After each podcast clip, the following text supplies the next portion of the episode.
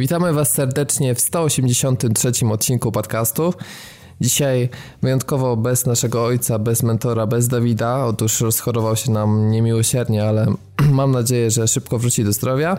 No taki okres. Tak, ja nazywam się Robert Fiałkowski, ale ze mną, jak słyszycie, jest też Szymon Zalichta. Cześć wszystkim. I Piotrek Modzelewski, który powraca po długiej przerwie i nagrywa z szafy. Halo, halo. Z garderoby. Z garderoby. Podobno bardzo ładnie wytłumionej. Witam serdecznie. Tak, no słychać po prostu ten radiowy kunszt y, twojej garderoby i no, tak, brakuje tak, w zasadzie tylko, wiesz, pojemnik, y, pojemniki po jajkach jakbyś tam na ścianę wyłożył, to myślę, że już w ogóle byłoby, wiesz... No myślałem o tym, wiesz, zaraz, za, zaraz koło, koło domu jest jakiś targ, więc podejrzewam, że jakbym tam poszedł i się dobrze zakręcił, to dostałbym wytłoczki już w ogóle byłoby no, magicznie. Piotr będzie raczył dzisiaj wszystkich o wiele cieplejszym głosem niż zwykle. No chociaż zazwyczaj Dawid i tak doprawia nasze magiczne głosowe wypociny, więc, e, więc to już pytanie, czy, czy słuchacze to usłyszą po prostu. Dzisiaj sobie tak prosto przejdziemy do newsów i rozpoczynamy od Electronic Arts, więc wszyscy antyfani naszego narzekania w podcaście to już mogą teraz zaczę zacząć pisać hejterskie komentarze, ponieważ znowu sobie trochę ponarzekamy na naszą ulubioną firmę. E, ale jeszcze zanim e, to jedna kwestia taka statystyczna. Otóż Electronic Arts chlapnęło pewną informację, która jest skrzętnie ukrywana przez Microsoft. Chodzi mianowicie o sprzedaż Xboxa, bo jak wiecie, Microsoft nie chce się chwalić sprzedażą, która jest słabsza niż PS4 i w raportach finansowych cicho siedzi na temat sprzedaży. Natomiast szacunki właśnie elektroników wskazują na około 19 milionów sprzedanych egzemplarzy. Co jest e, prawie połową tego, co ostatnio Sony ogłosiło, czyli tam 36 milionów. Teraz pytanie, co, co wy na to myśli? Czy jesteście zaskoczeni może tak? Czy sądziliście, że właśnie to się układa już w, tak, w taką proporcję? Szymonie, może ty powiesz, może sądziłeś, że jest więcej. Ja wam powiem, z moje zdanie znacie już od dawna, szczerze tak. powiedziawszy, te cyferki to Miko tyłka nie latają, bo nie ma to żadnego przełożenia na to. No chyba, żeby e, Xbox ja, Dla mnie jako klienta. Więcej. Nie, nie, to nie o to chodzi. E, I powiem wam, że mm, całego tego shitstormu nie do końca, nie, nie do końca jestem w stanie zrozumieć, dlatego, że ktoś tam nawet mm, chyba nawet sam Microsoft, czy może ktoś tam inny, e, przeszacował, jak to wyglądało w, przy poprzedniej generacji, w takim samym okresie czasu i okazuje się, że ten wynik wcale nie jest taki zły, wręcz jest o wiele lepszy niż było to w przypadku no, poprzednika, czyli 360. Wynik dobry, no wiadomo, że Sony ma o wiele lepszy, ale ten wynik wcale nie jest jakiś zły, żeby, żeby nie wiem, w jakiś sposób e, tutaj, e, nie wiem, naskakiwać na, na, na, na Microsoft i, i, jechać po nim, że jaką to ma chujową sprzedaż. No nie masz takiej chujowej sprzedaży. Jest znaczy nie, jak na to w jakim tyłku byli, to umówmy się, naprawdę jest nieźle. No, jest naprawdę dobrze, także nie wiem, czy to jest powód do, do jakiegoś hejtu tak naprawdę. No na pewno jest to pożywka dla fanboyów e, przeciwnego obozu. No, no i tyle mogę powiedzieć. A co może powiedzieć Piotrek, jako no, nie wiem kto. Powiedzmy, że jako bezstronny komentator sceny growej, znaczy się oczywiście. Nie wiem, odebrało mi głos w tej chwili po tym, jak powiedziałeś poli, bo nie bardzo wiem o co chodziło. Nie, tak zupełnie serio, no ja nie jestem kompletnie zaskoczony tym, ponieważ od, od dawien dawna, czy w momencie, kiedy po prostu jeszcze Microsoft też ogłaszał wyniki sprzedaży, to wszystko wskazywało mniej więcej na proporcję 2 do 1, więc no, jeżeli to się utrzymuje, no to, no to się utrzymuje, no po prostu, tak? A ja, teraz magicznie, bardzo... a ja teraz magicznie zjednoczę, słuchajcie, dwa obozy, bo najważniejsze, wiecie co jest? E, to jest nie to, wiem, że... powiesz zaraz, powiesz teraz o sprzedaży PC-ów, no. No, no. Wii U albo na przykład, nie wiem, myszek z odważnikami. Ale nie, ale jednak nie o to mi tak. chodzi. Chciałem powiedzieć, e, że przed premierą tych konsol mm, wiele osób trochę mm, próbowało przełożyć porażkę Wii U na to, że konsole ogólnie mają się słabo, bo pamiętajmy, że to był czas, kiedy sprzedaż y, gier pudełkowych malała, mm, kiedy słabo się sprzedawały konsole starej generacji, no już wszyscy byli zmęczeni i rynek był nasycony. No i zastanawiano się, czy w ogóle nowe konsole powtórzą sukces. Tymczasem jej przyznało, że ta suma, która przekracza już 55 milionów egzemplarzy, jeśli chodzi o PS4 i Xboxa One razem, E, przekracza wszelkie prognozy e, i to jest 50% więcej niż na, na podobnym etapie w poprzedniej generacji. Robert, no ale tak, powiedz tak. mi tak zupełnie szczerze, czy ty w ogóle na jakimkolwiek pułapie rozpatrywałeś to, że ci ludzie, którzy krzyczeli, że konsole umierają, mają rację? Bo wydaje mi się, że ktokolwiek, kto był zakorzeniony w tym biznesie i w jakiś sposób po prostu znał jego realia, to wiedział, że Wii U jest słabe technicznie i że skurzą się tylko i wyłącznie fanboje e, Nintendo. I Ale zdawał sobie sprawę, że po 8 Mhm. latach, że po 8 latach po prostu trwania generacji wszyscy jesteśmy zmęczeni i czekamy na nowe sprzęty, łakniemy ich tak samo jak łaknęli ich de- deweloperzy. Ale wiesz co, Więc nie no- sądziłem, że PS4 osiągnie taki sukces, jak osiąga. W tej chwili już chyba sprzedaż PS2 zaczyna mniej więcej się zrównywać, jakby w, jeśli chodzi o czas od premiery, ale i tak y, patrząc na to, że Sony nie, nie dowaliło jakimiś super grami przez pierwsze dwa lata mm, konsol, bycia konsoli na rynku, to ja jestem zaskoczony na przykład, że, że tak się sprzedaje. No właśnie, ja ja jestem- mógłbym, ja- właśnie, no bo ja bym chciał zadać tylko jedno pytanie takie do, do, do was. e, Nie wiemy dlaczego. Ale nie, nie, to nie Sony- chodzi nawet Sony dlaczego. nie wie, to, więc- to, nie, nie, to nie chodzi dlaczego, tylko po prostu tak się zastanawiam, wiecie, bo te wszystkie wojenki, powiem wam szczerze, że no, fajnie jest oczywiście potrolować w internecie, to jest zawsze super, tak, kiedy się tam gówno w burza jakąś e, wywoła z byle powodu, ale mm, tak mówiąc te, teraz absolutnie serio, gdybym tak absolutnie serio miał zadać wam pytanie, to czy y, dla was jako użytkowników, powiedzmy, y, konsol e, PlayStation na co dzień, e, PS4 konkretnie, czy ta e, przewaga sprzedażowa powoduje, że czujecie się jakoś bardziej uprzywilejowani, że, e, że, że dostajecie coś ekstra, że jesteście w jakiejś ekstra lidze, a cała reszta to, to, to jest jakiś plebs, że, czy Ale czujecie... podpuszczasz. ale nie, no nie, nie, poważnie, no, no, poważnie pytam, czy wy od strony użytkownika czujecie, że, że ta sprzedaż ma e, takie przełożenie na, na, na ten wasz experience cały związany z konsolą, że mm, no na pewno żadna inna maszyna temu nie dorówna? Bo z Ja mam, powodów... ja mam przełożenie. Wiesz co, PS Plus jest beznadziejny. Myślę, że gdyby e, PS4 sprzedawało się słabo, słabiej, na pewno mielibyśmy dużo ciekawszą ofertę. No okej, no ale widzisz, ale to mówisz o takim trochę e, negatywnym impakcie, że tak się Trochę. wyrażę.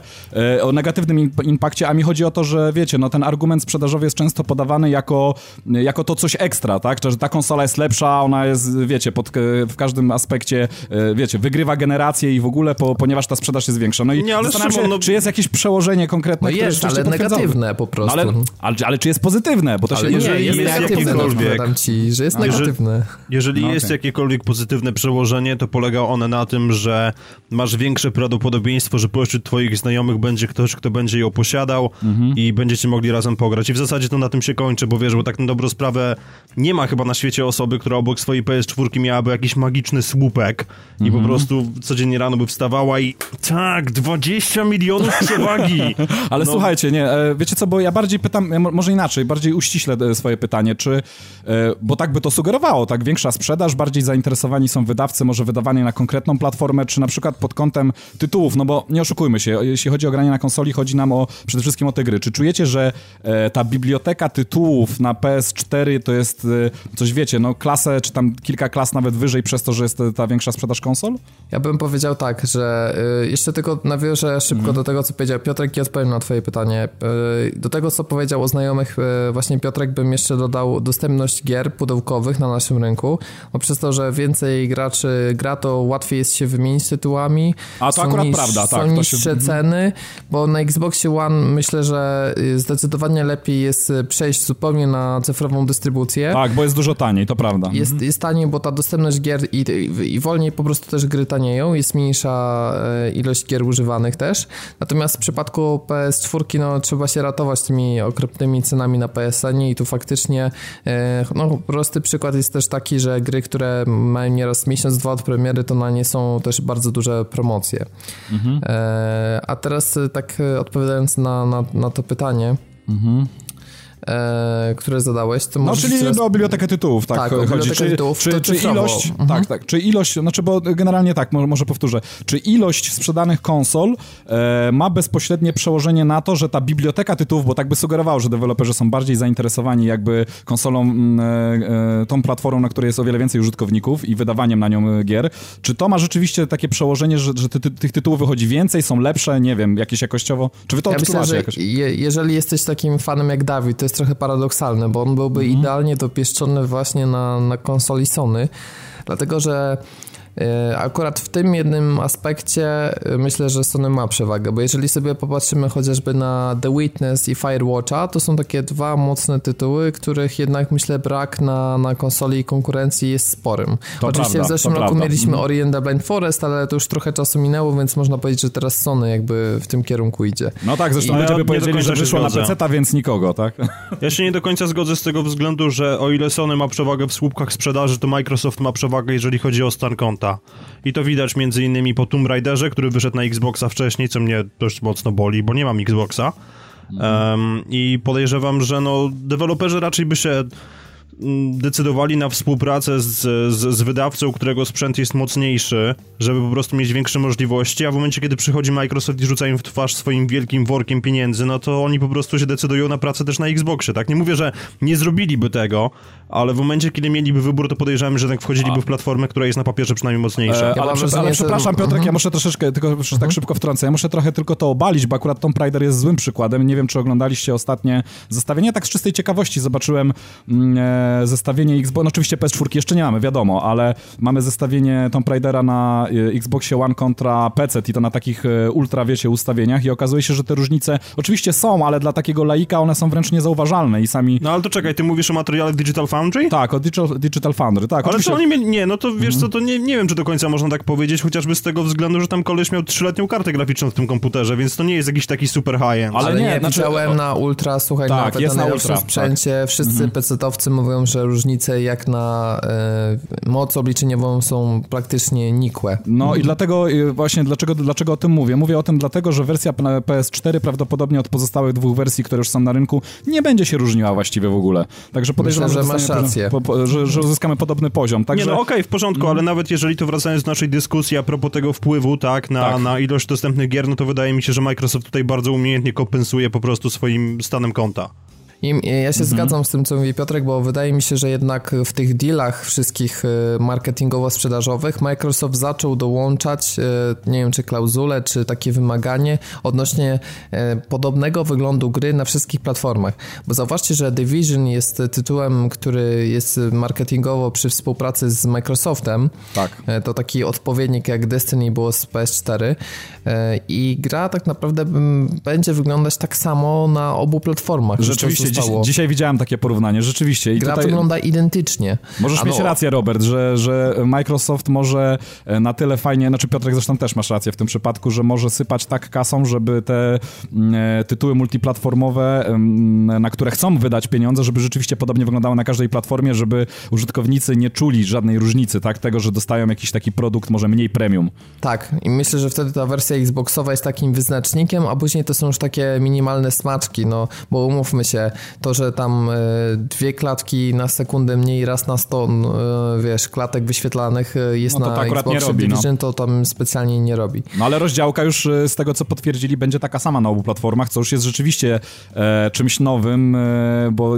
czym, czymś nowym, co Znaczy obserwujemy na przestrzeni tak samo. wie- No Destiny, taka- ale, ale dużo tytułów jednak jest ta różnica, wie- wiecie, te mityczne 1080, a kontra 900, czy tam 930, jak to w niektórych tytułach jest, tak?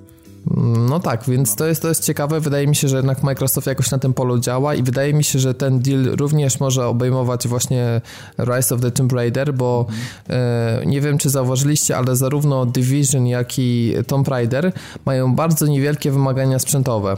Tak, tak, E, tak, to Te prawda. gry w stosunku do mm, powiedzmy takich gier jak Wiedźmin, czy mm, no nie wiem, jakie tam ostatnio y, z takich mocno pecetowych, czy na przykład Battlefront powiedzmy na PC, mają znacznie mniejsze wymagania i nawet na 3-4-letnim sprzęcie jesteśmy w stanie spokojnie sobie Full HD pograć w wysokich detalach i właśnie wydaje mi się, że mm, specjalnie jakby nie, jakby nie osiągali maksa, co mogliby z tych silników, tylko starali się po prostu podrasować. Krótko mówiąc, wydaje mi się, że w przypadku Division i Rise of the Tomb Raider mamy do czynienia z portami wersji konsolowych na PC po prostu. Znaczy, no, w każdym razie, podsumowując, jak, jakie, bo wiecie, to, to są tak naprawdę czyste spekulacje, no nie potwierdzimy tego, bo niestety tego nie wiemy. Czy Microsoft rzeczywiście prowadzi taką politykę, podpłaca i, i, i w ten sposób jakoś stara się zniwelować te różnice sprzętowe, ale być może jest to bardzo prawdopodobne, tak, że tak powiem, wszystko tutaj jakby się składa e, do kupy, jakby tak sobie to, to I dajesz jednocześnie jeszcze wsparcie inżynierów oczywiście, żeby wyciągnęli maksa no z tak, Xboxa tak, One, tak. bo to oczywiście. Szczerze mówiąc, to i tak jestem pod wrażeniem, bo biorąc pod uwagę, jaka jest różnica w czystej mocy obliczeniowej, te mityczne 40% y, w, w mocy karty graficznej, to jednak y, no, przez te dwa lata z hakiem generacji większość gier no, nie prezentuje aż takiej dużej różnicy, no bo zazwyczaj to jest mowa o tej rozdziałce plus jakichś tam do lekkich detalach. Ale Jestem generalnie... bardzo no. ciekaw, czy to się powiększy, czy jednak utrzyma na stałym poziomie do końca, właśnie ze względu na kasę Microsoftu. Ale słuchajcie, generalnie kończąc moją myśl, czy zgodzicie się ze mną, e, czy możemy postawić taką tezę, że bez względu na to, co Microsoft robi, czy co Sony robi, jaka, jakie są polityki tych firm, e, ta sprzedaż e, ilości konsol tak naprawdę nie ma jakiegoś specjalnie wielkiego przełożenia na to, no każdy prowadzi tam swoją politykę, każdy ma tam swoje eksy, każdy ma tam jakieś jakiś tam plan wydawniczy na, na, na dany rok, e, ale mm, czy, czy, można mówić tutaj o przewadze jednej czy drugiej konsoli jakoś e, poprzez e, te ilości sprzedanych sztuk? Czy to ma jakieś bezpośrednie przełożenie? Ale ja, ja, ja uważam, że specjalnie... Wiesz? Mhm. No, tylko dokończ, bo ci Znaczy nie, mi się, no. mi się wydaje, że specjalnie nie ma, no bo widzicie, mimo że, e, e, bo to jest tak, e, biorąc pod uwagę na przykład 2015 rok, no niby mniej mm, sprzedanych konsol Microsoftu, ale tych tytułów AAA na przykład wyszło więcej, szczególnie pod koniec roku, tak? W 2016 rok może tak naprawdę zmienić się i tutaj może być przewaga na przykład tych takich większych blockbusterów na korzyść platformy Sony.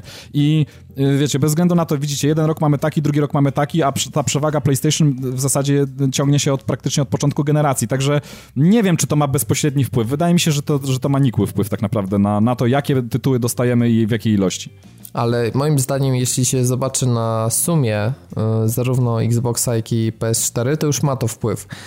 Dlatego że wydaje mi się, gdyby na przykład konsole sprzedawały się o połowę gorzej i byłoby to mniej więcej analogicznie jak w zeszłej generacji, czyli całkiem ok, ale bez wielkiego szału.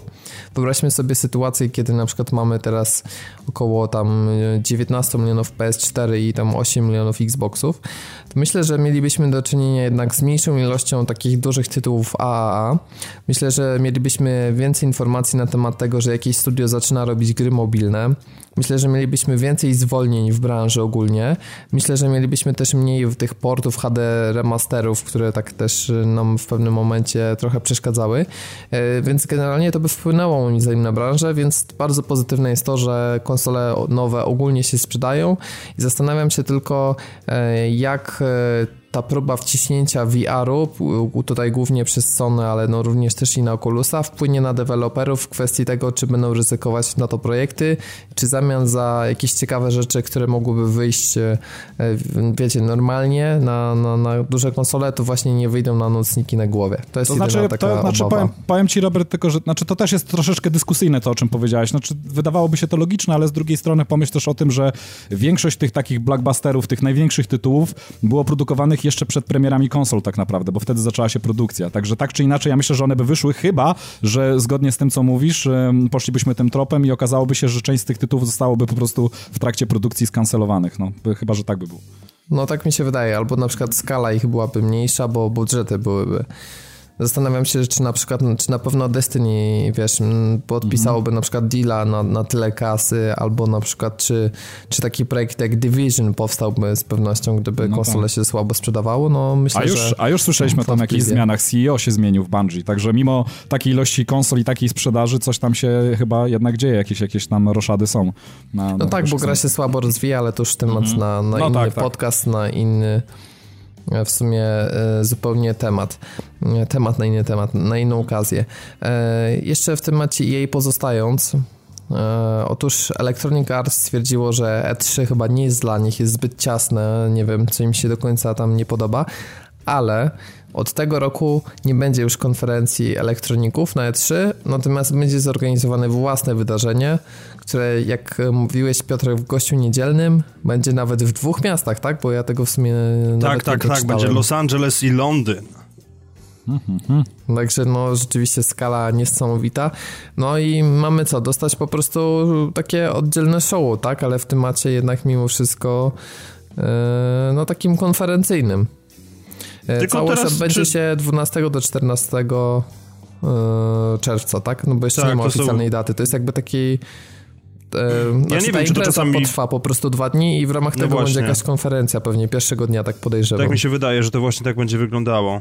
Albo jakiś twitchowy spam po prostu nowych produkcji też może być. To na pewno też tak. będzie. No. Także no, Ale zastanówmy się, czy tak na dobrą sprawę EA ma wystarczające portfolio, żeby w tym roku robić swoją własną konferencję. Mają Mass Effecta, mają Mirror's Edge'a. Ja ci powiem tak, że e, e, EA, jak już wiemy, wydaje absolutnie wszystko i e, w każdym momencie e, developingu danej, danej produkcji mi ostatnio rozśmieszył taki mem, gdzie jest Gordon Ramsay, który tam opieprza kogoś znowu w kuchni i mówi, ta potrawa jest tak niegotowa, że nawet EA próbu, próbuje ją wydać. Także wiesz, oni wydają wszystko jak leci, w ogóle co mają pod ręką w jakiejkolwiek formie.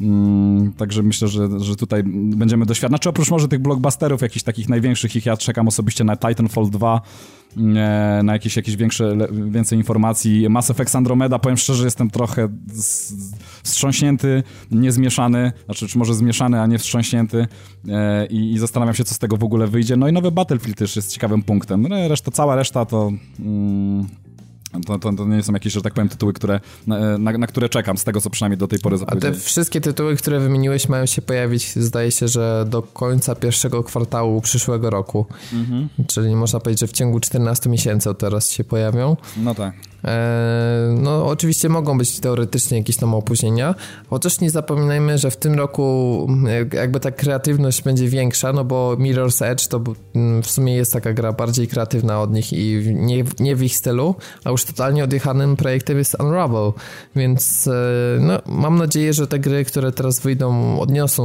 e, całkiem niezły sukces, bo no bo rzadko się zdarza, tak? To co jakiś czas pamiętam ten rok. E, pamiętny to chyba był 2008, kiedy właśnie Mirror's Edge i Dead Space 1 się pojawiły. I to było takie, takie ogłoszenie, e, ogłoszenie szumne, że teraz będą stawiać na nowe marki, że nie będą trzepać w kółko sequeli i tak dalej, i tak dalej. Tak było. No i teraz, teraz znowu mamy, tak, e, powrót, i reboot jednej właśnie z takich, wiesz, wyczekiwanych marek, teraz mam Un Unravel zupełnie nową markę, no więc jestem bardzo ciekawy, jak to wszystko wypali. A ty, No, Piotrek, czekamy. no ty powiedz, czy czekasz coś od elektroników tak w ogóle? No a jak myślisz? No, Mass Effect myślę, że pewnie. nie, no bo powiedziałeś, że na Mass Effecta już prawie nie czekasz w ogóle, więc ja bym tu nie dopisywał w ogóle tego do listy, dlatego się pytam. To znaczy, wiesz co, no na Mass Effecta czekam i nie czekam, tak? Z jednej strony bym po prostu bardzo chętnie im wyrzucił w twarz, że zawracają dupę i po prostu zabili te uniwersum przy okazji trójki, natomiast no z drugiej strony ciekawość mnie zżera. I tak czy inaczej, no będę śledził to, co jest związane po prostu z, z Mass Effectem, natomiast życzyłbym też sobie nowego Burnouta, którego się nie doczekam i życzyłbym też sobie nowego Need for Speeda, który byłby w końcu grą, w której jest manualna skrzynia biegów. I wiem, że to jest nudne narzekanie, ale no, czy naprawdę jest to aż tak trudne? Ja nie wiem, czy widzieliście, bo jeszcze tak właśnie przypomniało mi się, że mm, e, zajmują się przecież ludzie od Bornauta, dawnego Bornauta, znaczy część tych ludzi z, z tego studia, e, jakimś golfem nowym, golf, golfem, który, w którym Tak, możemy jest niszczyć gościu jakieś... niedzielnym. Tak, Dangerous Golf. Tak, tak, tak, także to w ogóle jakiś strasznie dziwny projekt. No tak, jeszcze dowiedzieliśmy się, że jak się Golf super sprzeda, to jest szansa na grę wyścigową. Wow, Tak, która super. podejrzewam, że biorąc pod uwagę fakt, iż e, zrobili wybuchowego golfa, będzie się odbywała w konwencji jakiegoś rzutu z góry czy innego ścierwa i nie będzie miała z Burnoutem za dużo wspólnego. Równie Bo przeskok z produkcji. Strasznie to dziwnie brzmi, bo to takie trochę zrób, zrób mi golfa, to kupię ci Bornauta. Ale to właśnie na tej zasadzie działa, wiesz, i, i podejrzewam, że po prostu to się skończy tym, że oni na tym golfie nie zdobędą wystarczającej ilości funduszy. I powiedzą, sorry, Żeby- nie zrobimy. Nie, no dokładnie, to na tym, na tym się będzie opierało. Jeżeli oni zrobią jakąś grę wyścigową, to, to podejrzewam, że będzie jakaś popierdółka na, na mobilki czy coś w tym stylu. Równie dobrze mogli wprawdzie- zrobić, wiecie, symulator sypania soli do frytków w McDonaldzie i potem Tak, byłoby powiedzenie, dlaczego się nie sprzedało, nie? No tak, tak, tak. No cóż, e, zostawmy może temat, bo to jest strasznie drażliwy, dlatego że ja sam też mega chciałem e, jakąś odsłonę Burnouta lub też chciałem e, jakiegoś duchowego spadkobiercę, a tymczasem okazuje się, że nie mamy ani tego, ani tego, więc o Mass Effecta nie jestem spokojny, dlatego że BioWare nie zrobiło niczego nowego przy okazji Dragon Age'a i mm, mimo tam bardzo dobrych ocen, cały czas mi się wydaje, że, że to jest podobnie jak Fallout, tak? To znaczy no gra, która jest, nie wiem, jakoś dziwnym trafem mega hypowana przez recenzentów, ale jak przychodzą, przychodzi co do czego i gracze w to grają, to już tak super nie jest. Z kolei jeśli chodzi o Battlefielda, to ja bym bardzo chętnie zagrał, ale jeżeli piątka będzie cały czas utrzymana w takim stylu jak trójka i czwórka, czyli nowoczesny setting i tylko zmiany map, to uważam, że to już będzie za dużo. Ja bym chciał powrót do Wietnamu albo do II wojny światowej lub po prostu Bad Company trójkę i wtedy jestem no jeżeli, w stanie... jeżeli się doczekasz piątego Battlefielda w najbliższym czasie, to podejrzewam, że zgodnie z wszelkimi znakami na niebie i ziemi będzie to jakiś Battlefield 2148 tak, tak, albo coś. Bo już chodzą no. takie słuchy. Battlefielda chyba chcą bardziej w przyszłość wysłać i to będzie katastrofa. Znaczy, ja generalnie lubię setting science fiction, ale po prostu y, teraz na rynku już jest taki wysyp z Call of Duty tutaj wybijającym się na czele, y, gdzie idą coraz bardziej w przyszłość, coraz bardziej futurystyczne rzeczy. Już jest po prostu przesyt na rynku i to już chyba y, myślę, że nie jednej osobie wychodzi bokiem po prostu ten setting. Także mogliby... Może Titanfall 2 będzie, no w sumie jest jedynką problem taki, że grało się zajebiście, tylko że po dwóch miesiącach człowiek się nudził i nie chciał wracać do tego trochę jak z Battlefrontem, bo pytam ostatnio Dawida, jak tam, czy grasz cały czas? No, mówi, że już jego kopia u kumpla wylądowała. No ja w Battlefroncie powiem wam, że spędziłem 3 godziny z tych 10, które daje Electronic Arts e, do rozegrania sobie przed zakupem pełnej wersji i właściwie na 3 godzinach stanęło. Nie chcę mi się więcej w to grać. Nawet tych 10 darmowych godzin nie byłem w stanie zużyć. Tak znudziłem się tą grą szybko. No ja z kolei grałem sporo w becie, ale też, też jakoś się nasyciłem i...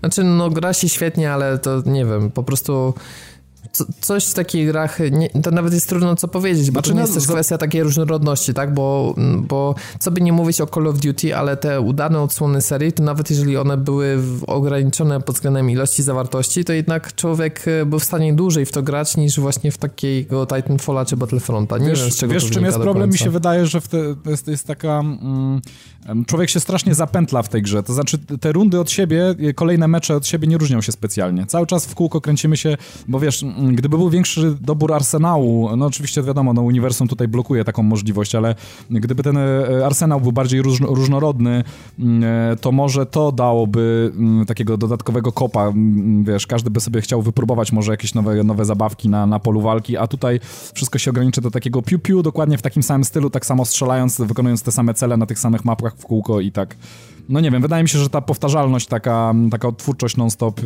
no to najbardziej zabija ten tytuł. To jest tytuł, który, nie wiem, chciałbym grać codziennie przez, no może nie codziennie, albo raz na tydzień przez 15 minut, o w takich proporcjach. No, no tak, tak, dokładnie. Za każdym razem jeszcze raz się zachwycić, ale już po tym czasie wyłączyć. E, słuchajcie, pytanie, czy, czy można się zachwycić zwiastunem Final Fantasy XV, który się pojawił ostatnio. Można. Ja powiem szczerze, że jest tam sporo elementów, które wzbudziły moje zainteresowanie. E, z takich rzeczy, które e, no, mnie zaskoczyły, to są takie elementy mechanik związane ze skradaniem. Mhm, no tak, bardzo nietypowe dla serii Final Fantasy. Mamy nawet tam ciężkie działko, do, do którego się y, jesteśmy w stanie dobrać i strzelamy z takiego widoku FPPS celownika. E, ten system walki to, to zaczął mi przypominać trochę Metal Gear Rising Revengeance, e, tak on się chyba nazywał. Tak. E, jest taki mocno też slasherowaty, jeszcze to nie znaczy... wiem, na, na, ile on będzie taki hybrydowo, wiesz, to, na ile hybrydowo-turowy, tak? No ja aż tak przyznam, że się nie zagłębiałem w, w cały system znaczy... tej serii, ale jest rzeczywiście no, najbardziej dynamiczny z tego, co widzieliśmy do tej pory. Tego jeszcze, tego, tego jeszcze tak naprawdę nie, nie mm, autorzy nie zdradzili nam, ale z tego, co można zauważyć, to tam na dole ekranu przy paskach energii e, bohaterów są jakieś segmenty, które też tam się ładują. Nie wiadomo jeszcze na jakiej zasadzie, bo to mówię, nie zostało zdradzone, ale wydaje mi się, że to będzie taka hybryda e, czyli turowo coś, jakieś możliwości w tej formie turowej znanej z finalów będą nam się e, w trakcie walki e, uaktywniały, a, e, ale generalnie całość, jak widzimy, jest taka bardzo dynamiczna, taka bardzo slasherowata i... System walki wygląda przyzajebiście, to Super, szczególnie powiem szczerze, że najbardziej zaskakujące i jak dla mnie i to coś, co mi się podoba, to jest możliwość przemieszczania się bohaterów po mapie za pomocą takich, takiego teleportowania się wręcz do, do różnych ważniejszych elementów albo do, do, do przeciwników z jakimiś tam atakami. Niesamowicie to wygląda, naprawdę bardzo widowiskowo widowiskowo, bardzo dynamicznie. E, pojawia się od razu pytanie tutaj, rzuca się, ciśnie się wręcz na usta, czy, e, czy gra będzie chodziła w 60 klatkach, bo jeżeli to będzie tak wyglądało, jak to wygląda, jeszcze będzie płynno 60 klatek, to po prostu gałki oczne będą wypływały od, od ilości, od natłoku tej akcji dziejącej się na ekranie. Także Ale super. przydałoby się tej grze, bo patrząc Tak, jak to wygląda, to faktycznie no, chciałoby się mieć to po prostu w tych 60 klatkach. Dokładnie. Poza tym o settingu jeszcze, może, bo tam za wiele nie możemy tak naprawdę może powiedzieć. Y, Kilka rzeczy zostało zdradzone, tak jak Robert tutaj powiedziałeś, przede wszystkim to skradanie się, które, którego nie doświadczyliśmy. Znaczy nie doświadczyliśmy, tam może w jakichś finalach były, ale to były takie dosłownie mm, e, może, może króciutkie epizody. Nie wiem, czy też czy w tym wypadku też to będzie jakiś krótki epizod, czy, czy e, może w kolejnych jakichś tam segmentach gry gdzieś będziemy, znaczy e, e, częściach gry będziemy mogli takie segmenty spotkać częściej, zobaczymy jak to będzie. E, ale fajny miszmasz e, na zasadzie magii oczywiście, jak to, No, jak to ta w magia jest finalach. też kozacka, nie? Jak, Przepięknie to jak wygląda, Podpalenie nagle w ciemnym pomieszczeniu, jak robi się jasno od tych powodów, Tak, wygląda tak, to tak. przekozacko. Od strony, od strony audiowizualnej muzyka jest fantastyczna. Nie wiem, czy zwróciliście uwagę, naprawdę. Muzyka też widać, że będzie naprawdę trzymała wysoki poziom. Zresztą jak często w finalach, ta muzyka jest naprawdę bardzo, bardzo fajna, trzyma bardzo wysoki poziom. Mm, Do tego dochodzi tutaj nam broń, broń palna, którą też mogliśmy zauważyć w tym demie. Mm, e, No i przeciwnicy, przeróżni bossowie na pewno odjechani. E, Pojawiają się jakieś roboty, tudzież mechy. Także taki fajny miszmasz wszystkiego. No to, co w finalu zawsze było mocną stroną, czyli, czyli takie naprawdę odjechane projekty i lokacji i bohaterów. Także no ja się coraz bardziej nakręcam, coraz bardziej się jaram i bardzo czekam, kiedy, kiedy ten tytuł wyjdzie. No dostaliśmy jak na razie tylko e, taką informację, że to będzie 2016 rok. Mam nadzieję, że nie przesuną. No ale szczerze, to mi się wydaje, że to jest nieuniknione, no ale chciałbym się mylić. No zobaczymy. Mam, mam nadzieję, że nie. A ty Piotrek coś powiesz, czy kurtyna? Ja nie wiem, co mam powiedzieć. Mnie generalnie rzecz biorąc Final przestał interesować bardzo dawno temu i to jest po prostu takie, no... Fajnie, fajnie, że są ludzie, który, ludzie, których to jara. Mnie to specjalnie nie jara. Jakoś, jest jakiś taki strasznie... No i nic dziwnego, tak? Ale jest tu jakiś taki strasznie japoński sznyt, który po prostu tak... Nie. Znaczy ja ci Piotrek powiem tak, że y, ja się troszeczkę wyleczyłem z japońszczyzny, co możecie nawet po moich komentarzach na grupie często zobaczyć i ja y, powiem wam, że bardzo mocno jarałem się wszel wszelkiej maści japońskimi grami w czasach PSX-a, y, w czasach PS2, ale to nawet dosyć logiczne, bo y, wtedy najwięcej takich, naj, y, te największe blockbustery wychodziły właśnie z, y, najczęściej z, z rąk twórców z kraju kwitnącej wiśni, ale się troszeczkę wylęczy, w- wyleczyłem z tego i ta japońszczyzna trochę mnie kuje w oczy. W każdym razie pozostało kilka mm, takich serii kultowych, które w dalszym ciągu e, są jak, e, jak dla mnie jak najbardziej strawne i na które zawsze czekam z wypiekami i do nich na pewno należy Final Fantasy. Także to... Zatem wyobraź sobie, że ktoś może potraktować Piotrek Finala trochę też jak Destiny, na zasadzie takiej, że e, nie wszyscy będą grali też dla jakby tej otoczki japońskiej settingu, ale jeżeli po prostu system walki będzie zarąbisty, rozwój postaci będzie wiele różnych mechanik, wiele ścieżek rozwojów, to jakby sama ta japońszczyzna to po prostu ze względu na to, jak, je- jak jej gra sprawia ci fan, to możesz e, przygnąć na to oko, jeżeli nie jesteś fanem.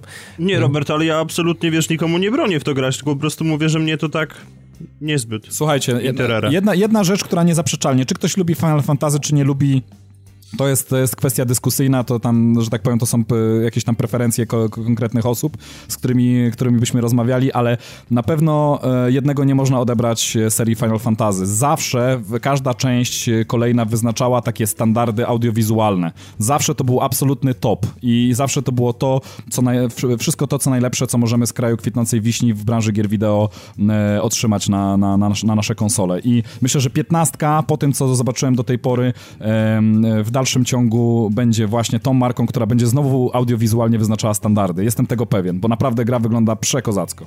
Znaczy, to akurat e, ja bym powiedział może tak, audiowizualny styl artystyczny na pewno jest ciekawy, natomiast Mhm. jakby sama jakość grafiki myślę, że e, ja bym No, Robert, właśnie ale- chciałby, żeby poszli w tym kierunku, w jakim jest, ale właśnie w kierunku może 60 klatek, no jest to dobry, jest to niezłe, naprawdę, super, ale no nie, nie wiem, czy aż takie wyznaczające standard Robert. Japo- ja, japońska szkoła renderu, no nie powiesz mi. Rendery wychodzące spod rąk panów z, z, ze Square Enix są po prostu nie do przebicia. Ilość detali... A nie, no okej, dobra, no bo teraz mówisz o, w kwestii renderów, to zgoda, jasne, ale ja teraz mówię na razie o samej, samej rozgrywce.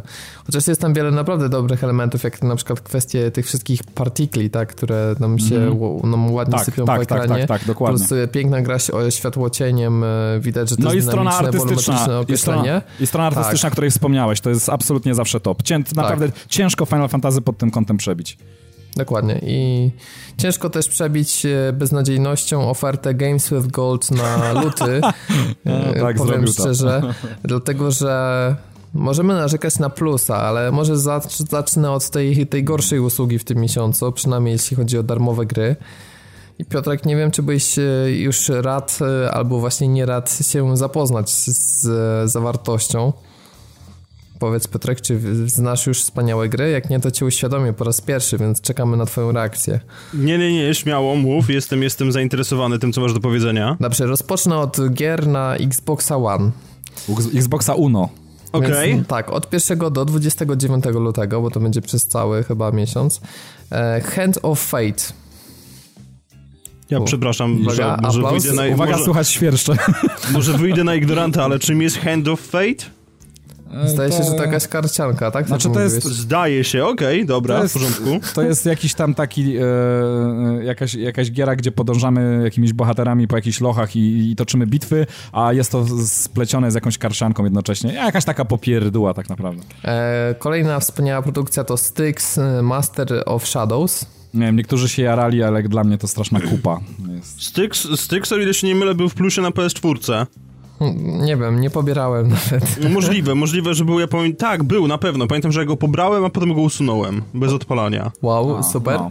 E, no i to jest koniec, jeśli chodzi o nową generację oferty. To jeżeli jesteś już przytłoczony zajebistością tych dwóch produkcji, to do, do, dorzucę ci jeszcze Sacred Citadel na 360 oraz Gears of War 2, taka świeżynka. Czyli Gearsy chyba najlepsze z tego wszystkiego. Ale czekaj, czekaj, czekaj. Sacred co? Citadel. I co, co to jest? No, to jest... Sacred to jest taki był miks tego, co pamiętam, że trochę takiej strategii, tak? Z, A to jest, to jest jakaś odnoga tego Sacred? Z tego, tego, co widziałem, to jest, jakaś taki, to jest jakiś taki, wiesz, w stylu starych automatówek e, e, slasher taki skrolowany, wiesz, idziesz od lewej do prawej, tłuczesz bossów po drodze i hordy tak, przeciwników. kompletnie coś, nie ma coś, coś, coś takiego. z tym Sacred, wiesz, tym, o którym myślimy. Aha, nie, to doskonale w takim razie, czyli jeżeli, jeżeli e, jesteś posiadaczem Xbox One, to w tym miesiącu możesz zagrać w Gears of War 2 i przypomnieć sobie, jak się w to grało Fantastycznie. Na... 6-7 lat temu, ja, więcej. Ja więcej. proponuję no. odpalić aplikację YouTube'a i włączyć świerszcze z tej okazji. tak. Generalnie. Zdecydowanie. Pytanie, czy świerszcze nie trzeba też odpalić przy okazji oferty PlayStation Plus na luty, no tutaj jest można powiedzieć trochę lepiej, ale, ale niewiele, bo dostaniemy Helldivers e, w tej wersji podstawowej. No to jest akurat dobry tytuł podobno, bardzo dobry. E, dobry to takie Destiny, można powiedzieć, z widokiem z góry, z fajnym też kanapowym koopem, ale również online'owym. E, oprócz tego dostaniemy też wspaniałość w postaci Nom Nom Galaxy. Kolejny Ju, już, się robię, już się robię głodny. Nowa, no. nowa 111 kolejne świerszcze. Tak, Aha, tak. E, teraz przechodzimy w poprzednią generację i mamy Grid Autosport. To będę musiał ograć, a przynajmniej ściągnąć i po, będzie leżało na dysku tak długo, aż stwierdzę, że muszę zwolnić miejsce. To jest jakaś odnoga tego grida, tego, tego, tego, tego grida. Od Codemasters, tak. Code tak. Aha. Okay. I Persona 4 Arena Ultimax. No Persona jest y, rozpoznawalną marką i bardzo lubianą przez wszystkich miłośników japońszczyzny. Nie wiem, ja osobiście się nie jaram, ale może ktoś, by, może, może wiele osób, fanów japońszczyzny będzie miało mokro na, na słuch o tym tytule, nie wiem. No zobaczymy, ale mówimy o starej generacji, więc na pewno kto, kto się jarał, to pewnie już to ograł. E, no, no tak, a na fakt. PlayStation Vita dostaniemy Lemmings Touch. Także dotyk lemingów tutaj, może tutaj, aha, to tutaj, to tutaj świerszcze jeszcze dodatkowo te przetaczające się krzaki przez pustynię. No, no. no wiesz, Tumbleweed to swoją drogą, natomiast najpierw trzeba będzie zmusić Wity do kooperacji, bo um, wyszedł nowy soft oznaczony cyferką 357 i niestety, ale pojawiło się bardzo dużo wzmianek o tym, jak to... Że zjebał stabilność? Nie, nie, nie, nie. Znaczy, wiesz co, na swój sposób tak, bo chodzi o to, że nie można się w ogóle zalogować do PlayStation Network, a ponadto pojawia się tak zwany battery drain i po prostu ci procenty spierdzielają w oczach. O, a to ciekawy feature. No. Także Sony już po prostu przestało w ogóle testować to, co jest wypluwane na Vita chyba. I, i, i tak, no, pokopiemy się trochę, co się będziemy. Okej. Okay. Cóż mogę wam powiedzieć? Ja myślę, że cały czas będę w kółko jak mantrę powtarzał jeżeli e, jednocześnie usługa płacenia za multiplayer, która można powiedzieć jest podstawą tak naprawdę konsoli, jest połączona z usługą otrzymywania darmowych gier, to niestety nie ma bata, żeby to otrzymywać e, fajne, ciekawe tytuły, bo po prostu twórcom jest żal, żeby zamiast sprzedawać po prostu te tytuły do takiej masy ludzi rozdawać. I tu, I tu jest no tak, pies pogrzebany. Mhm. Dlatego przypomnijmy sobie zajebistość plusa e, w wersji sprzed e, abonamentu multiplayer i wersji po właśnie, abonamencie. Kiedy, kiedy, nie, kiedy nie był potrzebny do grania online, tak? Ja jeszcze tylko wspomnę, tutaj pozwolę sobie odnieść się do tego, co Robert mówiłeś na początku naszego dzisiejszego podcastu, więc sprzedaż konsol jest zdecydowanie za wysoka, trzeba ją ograniczyć, wtedy będą lepsze gry. Ale wiesz, o, no bo wiecie, co jest największym problemem? Gdyby był PlayStation Plus, który zawiera jakieś tam zdety typu więcej gigabajtów w chmurze, ekskluzywne zniżki, awatary za darmo, jakieś motywy i tak dalej, i właśnie gry darmowe, to można byłoby zagłosować portfelem. A jak my możemy portfelem zagłosować przy okazji Plusa? Czy oni tam wrzucą, rozumiesz, jakiegoś Tetrisa w 20 klatkach od Ubisoftu, czy nie?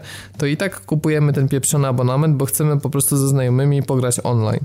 Więc jesteśmy pozbawieni jakiejkolwiek e, możliwości finansowego przełożenia się na, na tę usługę, a skoro i tak zarabiają i tak, no to cóż, wcale firmie nie zależy e, na wrzucenie E, jakiegoś super hiper tytułu, bo stracą na tym finansowo, a ilość subskrypcji zgadza się tak czy inaczej. No dokładnie tak jest, jak mówisz. Nic dodać, nic ująć tak naprawdę.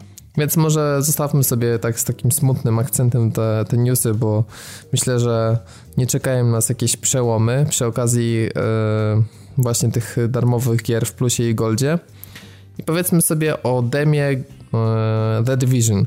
Dlaczego mówię demie? No bo Myślę, że po ograniu możemy to stwierdzić, że no, gra nie wygląda jak w wersji beta, zostały dwa miesiące do premiery, więc oczywiście to się szumnie i marketingowo nazywa betą, ale wydaje mi się, że gra, gra wygląda na większości skończoną i pewnie teraz jest faza ostatnich tam szlifowania błędów, ale w kwestii myślę, że mechanik tam wiele już się nie zmieni.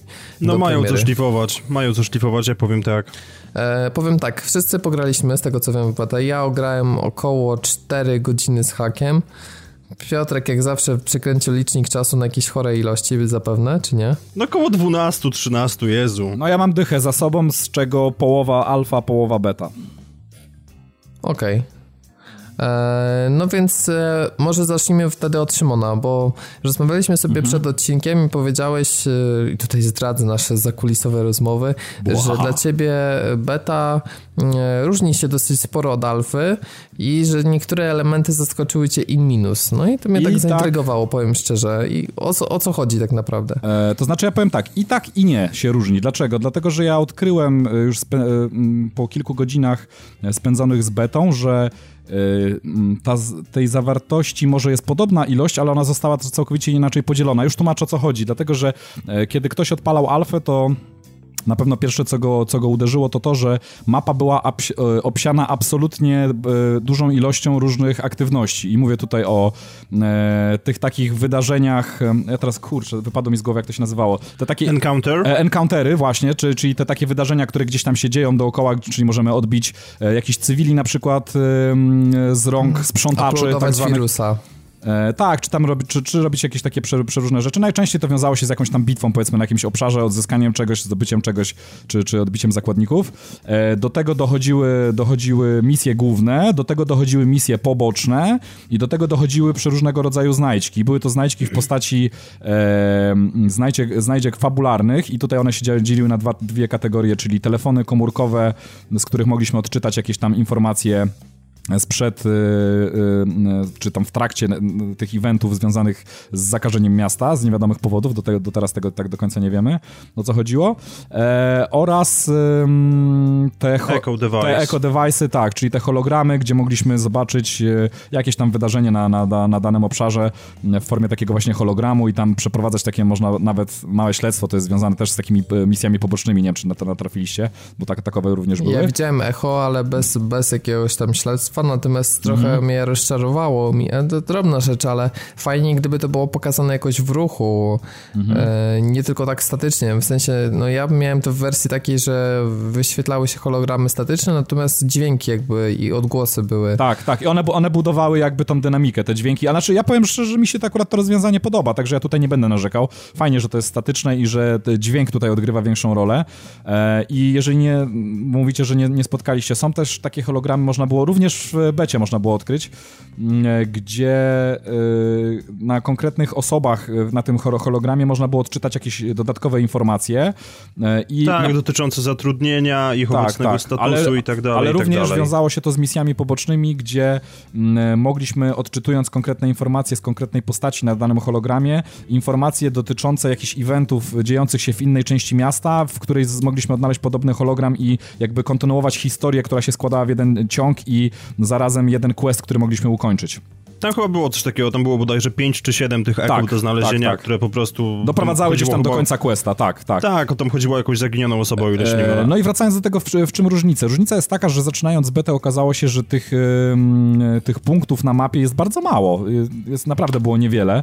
Nie, nie, niewiele było do roboty tak naprawdę w, w, tym czasie, ale co się... Znaczy, przepraszam, że może ci przerwę, je można bardzo łatwo policzyć, ponieważ tam są de facto dwie misje fabularne, jeżeli liczymy mhm. wysiadkę ze śmigłowca i dojście do bazy jako jedną misję, następnie jest mhm. druga w szpitalu. Tak. To naciągnąłeś side... tą pierwszą misją, powiem ci. No. Wiem, wiem, że naciągnąłem. Są trzy side questy do tego jeszcze, w sensie takie misje poboczne, poboczne i tych encounterów są cztery czy pięć na całej mapie. Ale A słuchajcie... misje poboczne raczej takie mega proste, nie? Z tego, co pamiętam, że Znaczy ja tylko, y, słuchajcie, ja wam tylko mhm. powiem, na czym do końca polega różnica, dlatego, że ja, mi się wydawało, że w pierwszym momencie, momencie kiedy zacząłem po alfie grać w betę, że jest absolutnie bieda i tam absolutnie nic nie ma i yy, yy, co, co, co się okazało po kilku godzinach gry, bo tam no, spędziłem jednak troszeczkę czasu. Nie wiem na jakiej zasadzie to do końca działa, ale okazało się, że te kolejne misje poboczne i kolejne aktywności i kolejne znajdźki zaczynały się z czasem pojawiać. Te, które były w alfie.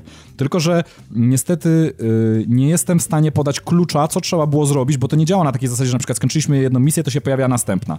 Nie wiem, level czy, może. Nie wiem, czy potrzebny był level, czy jakiś o konkretny określony yy, czas spędzony w grze. Czasami na przykład zdarzyło się, że połączyłem się z kimś w grupę i nagle okazało się, że na mapie się pojawiała kolejna aktywność. Także nie, nie, nie znam do, dokładnie klucza, ale w rezultacie wydaje mi się, chociaż nie, nie, nie, sprawdzałem jakby, no nie wiem, no nie spisywałem tego nigdzie, nie sprawdzałem na kartce, więc nie wiem, czy jeden do jednego to były e, wszystkie te same aktywności, które też były w alfie. Wydaje mi się, że jednak w becie było trochę mniej, ale te aktywności z czasem jakby z naszymi kolej, e, kolejnymi działaniami się pojawiały. Nie Szymon, wiem, nie wiem dlaczego mi... taka decyzja, dlaczego tego nie, nie, nie wrzucili na mapę od razu, tak jak to było w alfie, nie wiem. Nie wiem, może po prostu to był jakiś inny rodzaj testu, jakiś może rodzaj testowania innego rozwiązania pojawiania się tych aktywności na mapie. Nie, ma, nie mam pojęcia. Szymona, powiedz mi, czy w momencie, kiedy dobiłeś do kogoś i pojawiły ci się te eventy, ty je przechodziłeś, czy nie? E, to znaczy, ja starałem się robić wszystko, co, co, co miałem w zasięgu wzroku i, i, dostępnego, łącznie z tym, że nawet starałem się znaleźć wszystkie znajdźki, co się okazało niemożliwym, dlatego że na przykład, co ciekawe, w Alfie były zawarte znajdźki, chyba dwie były takie znajdźki, e, do których nie można było się dostać i prawdopodobnie wiązało się to albo z, ze zbyt niskim levelem, z, braku, z brakiem jakiejś umiejętności, albo z blokadą jakiejś ścieżki, żeby do tej znajdźki dojść. Także tak, tak to wyglądało, ale starałem się wszystko Aha, raczej, nie, no.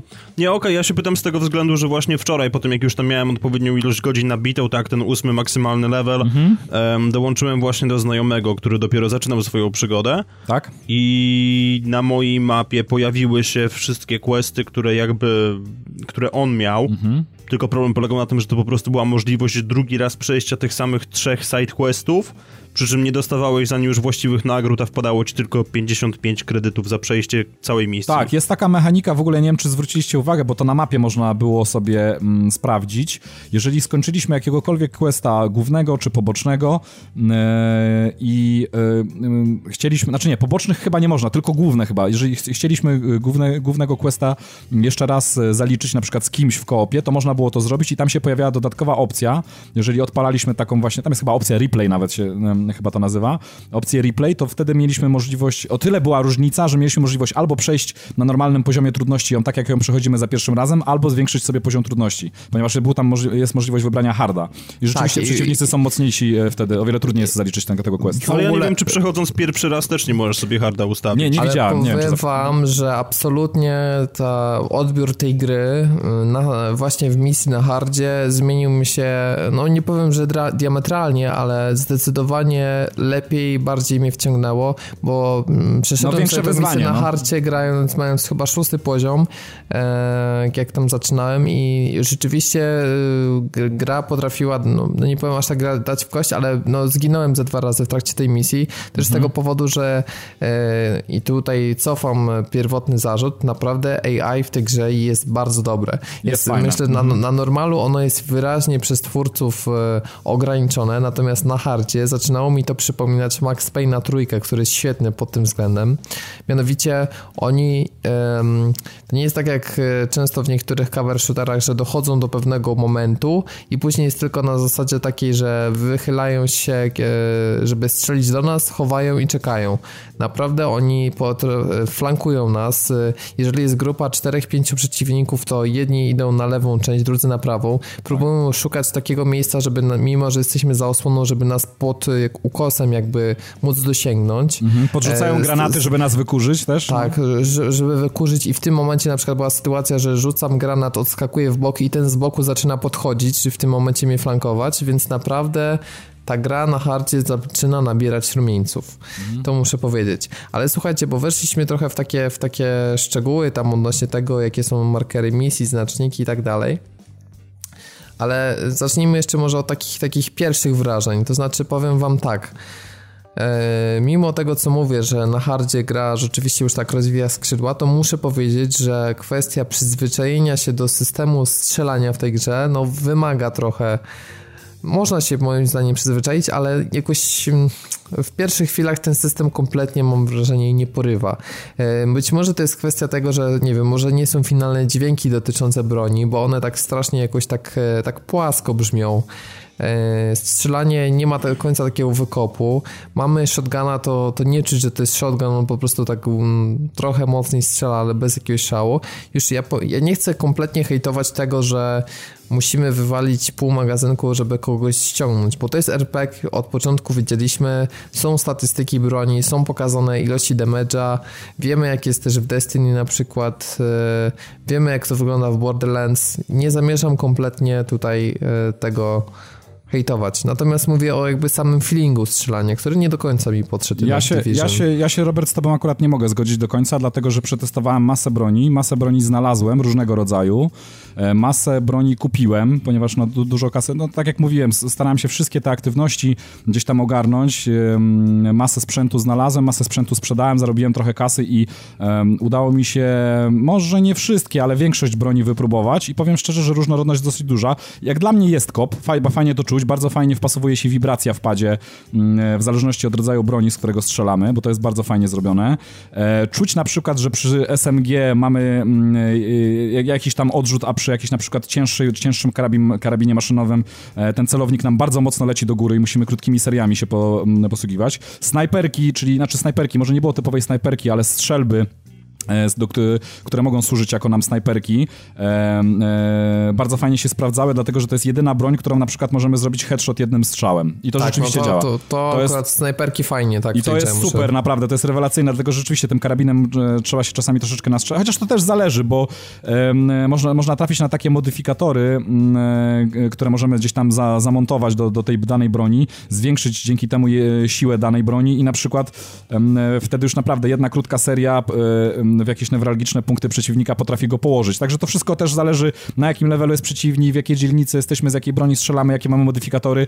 Mm, I te zależności fajnie pracują. Wydaje mi się, że to jest przemyślany system. To nie jest taki system z dupy, gdzie coś nie działa i się tylko wkurzamy na przykład, że musimy, nie wiem, cztery magazynki w kogoś wywalić, żeby kogoś położyć. No, nie ma aż takich paradoksów nie, nie, na szczęście. Nie, nie, zdecydowanie. Tu się, tu się zgadzam i też system kustomizacji broni i e, tych dodatków, e, które też nam wypadają. Tak. Myślę, że jest fajny i fajnie to grali na tej zasadzie, zasadzie, że na przykład zdobywamy jakiś grip czy mhm. rozszerzony magazynek i on oprócz tej funkcjonalności takiej naturalnej, która z tego wynika, też dodaje nam jakieś statystyki. Tak, na przykład tak. E, e, podoba mi się, że na przykład jest większy exp za, nie wiem, za headshota, albo na przykład mhm. ogólnie za zabicie, albo większa szansa na krytyczny damage, tego typu rzeczy. Dokładnie, tak. Tak samo podoba mi się, że na przykład są pistolety, które w momencie, które mają niższy taki ten bazowy DPS, ale na przykład mają statystykę, że jeżeli wróg ma mniej niż 30% życia, to obrażenia zadawane z tego pistoletu są liczone podwójnie. Tak jest, dokładnie. No, I- Także to są fajne rzeczy. A poza tym jeszcze jedną rzecz chciałbym dodać, Mhm. Robert. Bardzo mi się podoba to, że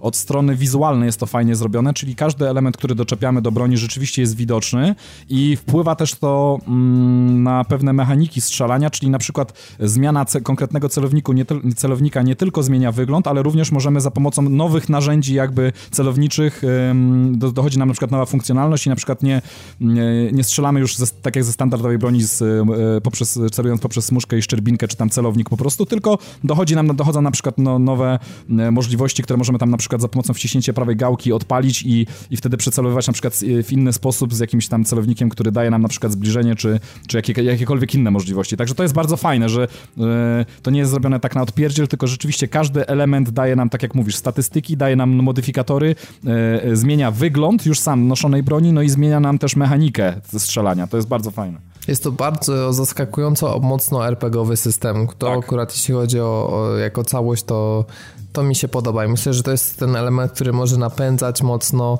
e, bo myślę, że jakby właśnie kwestia e, tych e, armoru, które zdobywamy, tam maski, nie maski, jakieś plecaki, to tak mi się wydawały trochę niektóre rzeczy na siłę, typu, że no plecak poprawia mi jakieś tam statystyki. Natomiast faktycznie jeśli chodzi o, o postęp w broniach, jakie zdobywamy, to myślę, że to, to jest to, co może bardzo mocno napędzać rozwój postaci i chęć zdobywania tego lepszego lutu. Ale z maską powiem ci jedną rzecz tylko. Z maską doznałem niezłego szoku, dlatego że w Alfie tego nie odkryłem, odkryłem to dopiero w becie. Odkryłem pomieszczenie, do którego musiałem przede wszystkim znaleźć tam specjalny mm, klucz czy wytrych, y, którym, y, dzięki któremu mogłem się dostać. To było zamknięte pomieszczenie w jednej z misji głównych, w tej y, misji w szpitalu. I okazało się, że dostałem się do pomieszczenia, które było bardzo mocno skażone. E, Tak, był level drugi filtra. tak, i tam, brako- i tam musisz mieć odpowiedni filtr w masce, żeby móc tak naprawdę przeżyć przez jakiś czas w tym pomieszczeniu. Tam jest aż tak wysokie skażenie. Czyli nawet nie, e, to, to nawet sama maska nie tyle nam zmienia, tam nie tyle modyfikuje nam statystyki, że tam podnosi nam jakieś statystyki, ale również umożliwia nam przetrwanie w jakimś miejscu przez jakiś czas, abyśmy mogli tam zebrać powiedzmy lód, czy wykonać jakieś pomniejsze aktywności. To jest bardzo fajne. Tak, ten system też mi się podoba. A ty, Piotr, co powiesz o tym strzelaniu? Yy, Ku jakiej opinii się przychylasz? Po- Podobało ci się, czy, czy właśnie sam feeling jest taki trochę dziwny? Sam feeling jest trochę dziwny jak dla mnie, poza tym a propos tego, co mówiłeś odnośnie strzałów. Cały czas chodziłem z autoriflem takim czy innym i problem polegał na tym, że gdzieś już słyszałem ten dźwięk, jeżeli chodzi o sam wystrzał broni. I dzisiaj dotarłem do tego, gdzie słyszałem ten dźwięk. Ten karabin, w momencie, kiedy ma, ma, ma, ma ten tłumik zamontowany, który nosiłem ze sobą przez jakiś czas, brzmi identycznie jak Lancer z Gears of War. O, Kubek w kubek po prostu i siedziałem i kminiłem, co jest nie tak, skąd ja to znam. Natomiast no, jeżeli Garus chodzi o samą Mass mechanikę... też e, a propos dźwięków czy głosów, akurat to jest fajne podobieństwo. Nie wiem, czy to naprawdę jest on, ale widziałem już mnóstwo komentarzy, wszyscy mówią Garus, Garus, Garus, no i ja też tam go słyszę, więc chyba to on. No, mi się wydaje właśnie, że to jest on. Oczywiście już próbowałem to potwierdzić na IMDB, ale nie ma jeszcze kredytów z gry, więc trudno jest e, mieć pewność. Natomiast no, jeżeli chodzi o udźwiękowienie, tak, to może inaczej, jeszcze wróćmy na chwilę do samego systemu strzelania. Sam system strzelania jest jak najbardziej ok, to to wspominaliście o tych wszystkich modyfikacjach też jest super. Poza tym, jeżeli chodzi o sam ekwipunek, też cudownym wynalazkiem jest moim zdaniem to, że wygląd zewnętrzny nie ma nic wspólnego z tym, jaki mamy armor, czyli możemy mieć kamizelkę na 118 defensa i na to mieć nałożoną jakąś tam kurtkę, w związku z czym każdy będzie wreszcie wyglądał inaczej, bo żygam tym, jak odpalam Destiny i wchodzę na tower i każdy ma ten sam hełm, bo, bo, bo jest najlepszy po a, prostu. wiesz co, nie zwróciłem na to uwagi, ale powiem ci, że na słuszna uwaga, rzeczywiście, to jest fajny patent. Powiem Nie, wam, to że znalazłem zarąbistą w szafie gdzieś tam kurtkę y, taką y, do chodzenia po górach było właśnie napisane i wygląd tego zwiększył radość moją z gry, a czapka z pomponem w ogóle to jest 10 na 10. A ja jeszcze grze. tylko- Czapkę z pomponem mam, tak, to jest, to jest dobre. Ja jeszcze tylko jedną rzecz dodam, bo do tego, co Piotrek powiedział, bo teraz mi się przypomniało i to jest naprawdę super. E, Fajne są też takie eventy. Oczywiście to tam pewnie po pewnym czasie już się znudzi, tak? Jak, jak będziemy cały czas tego typu eventy gdzieś tam napotykać, ale fajne jest to, że możemy na przykład pomóc w jakiś sposób cywilowi jakiemuś, e, w sensie dać mu apteczkę czy jakąś wodę i możemy za to na przykład dostać jakiś element em, ubrania, czyli na przykład właśnie czapkę zimową, czy, czy, czy, czy kurtkę, czy bluzę, czy cokolwiek innego. To jest, to jest fajny, fajny motyw.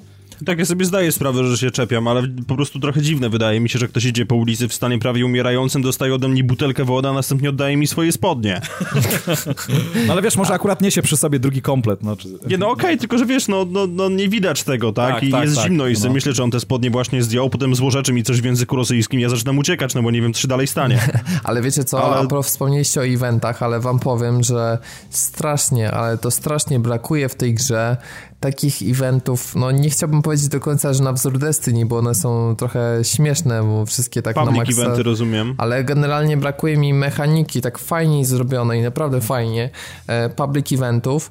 No przecież aż by się prosiło o to, że idziemy, eksplorujemy te ulice i nagle w jakimś miejscu e, w mieście dzieje się coś niedobrego, zaczynają, nie wiem, uciekać jacyś bandziory, kogoś, nie wiem, zakładnicy przytrzymują i po wszyscy, którzy są w okolicy gracze mogą się zebrać, mogą pomóc i zdobyć expa lub fajne przedmioty. Nie, no wiesz, takie happeningi się zdarzają, ale one na ogół dotyczą tylko i wyłącznie ludzi, którzy są w danej instancji, czyli powiedzmy, że jest to twój fire team, czyli tam maksimum cztery osoby plus nie wiem tak na dobrą sprawę, ile osób może być naraz na mapie na danym serwerze, ale to nie jest jakaś astronomiczna po prostu liczba, w związku z czym te public eventy niejako są, ale nie są oznaczone po prostu takim jebitnym, że chodź tu i teraz, po prostu radar ci się zaczyna tlić i widzisz, że hej, tu jest trójka zbirów, których możesz zdjąć. Znaczy wiecie i... co, ja, ja na mapie oglądałem ile, bo tam tak naprawdę są dostępne te punkty, jak stoicie na przykład w bazie są dostępne punkty, które pokazują ilu jest graczy i ja myślę, że ta liczba to jest coś pomiędzy 20, 20 a 30 osób, ja nie widziałem nigdy więcej na mapie osób. No Jezu Chryste, mi się wydaje, że to jest mniej. Nie, no ja widziałem około 20 osób, bo tam z 10 10, kręci, z 10 osób to się kręciło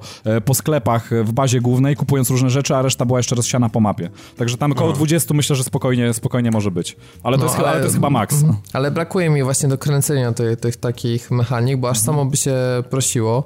E, myślę, że dla mnie też minusem jest y, brak skradania się. Myślę, że prosiłoby się o to, żeby dodać takie mechaniki. Ale Robert, jest, jest skradanie się, tylko że troszeczkę na innej zasadzie. Zauważ, że tutaj no, Ubisoft czerpie pełny całymi garściami ze swoich e, innych produkcji i tutaj na myśl od razu Splinter, Splinter Cell Conviction się e, narzuca, dlatego że jak się przykleisz do jakiejś... Tylko, że właśnie, to tak działa, że nie możesz tak naprawdę chodzić i się skradać, tylko musisz być przyklejony do osłony i wtedy to poruszanie się pomiędzy osłonami dynamiczne. Czyli możesz sobie nawet wybrać punkt w oddali, przytrzymując e, przycisk X czy też A w zależności od platformy, mm, czy mhm. na klawiaturze to nie wiem e, pod, pod czym to jest, na klawiaturstwie.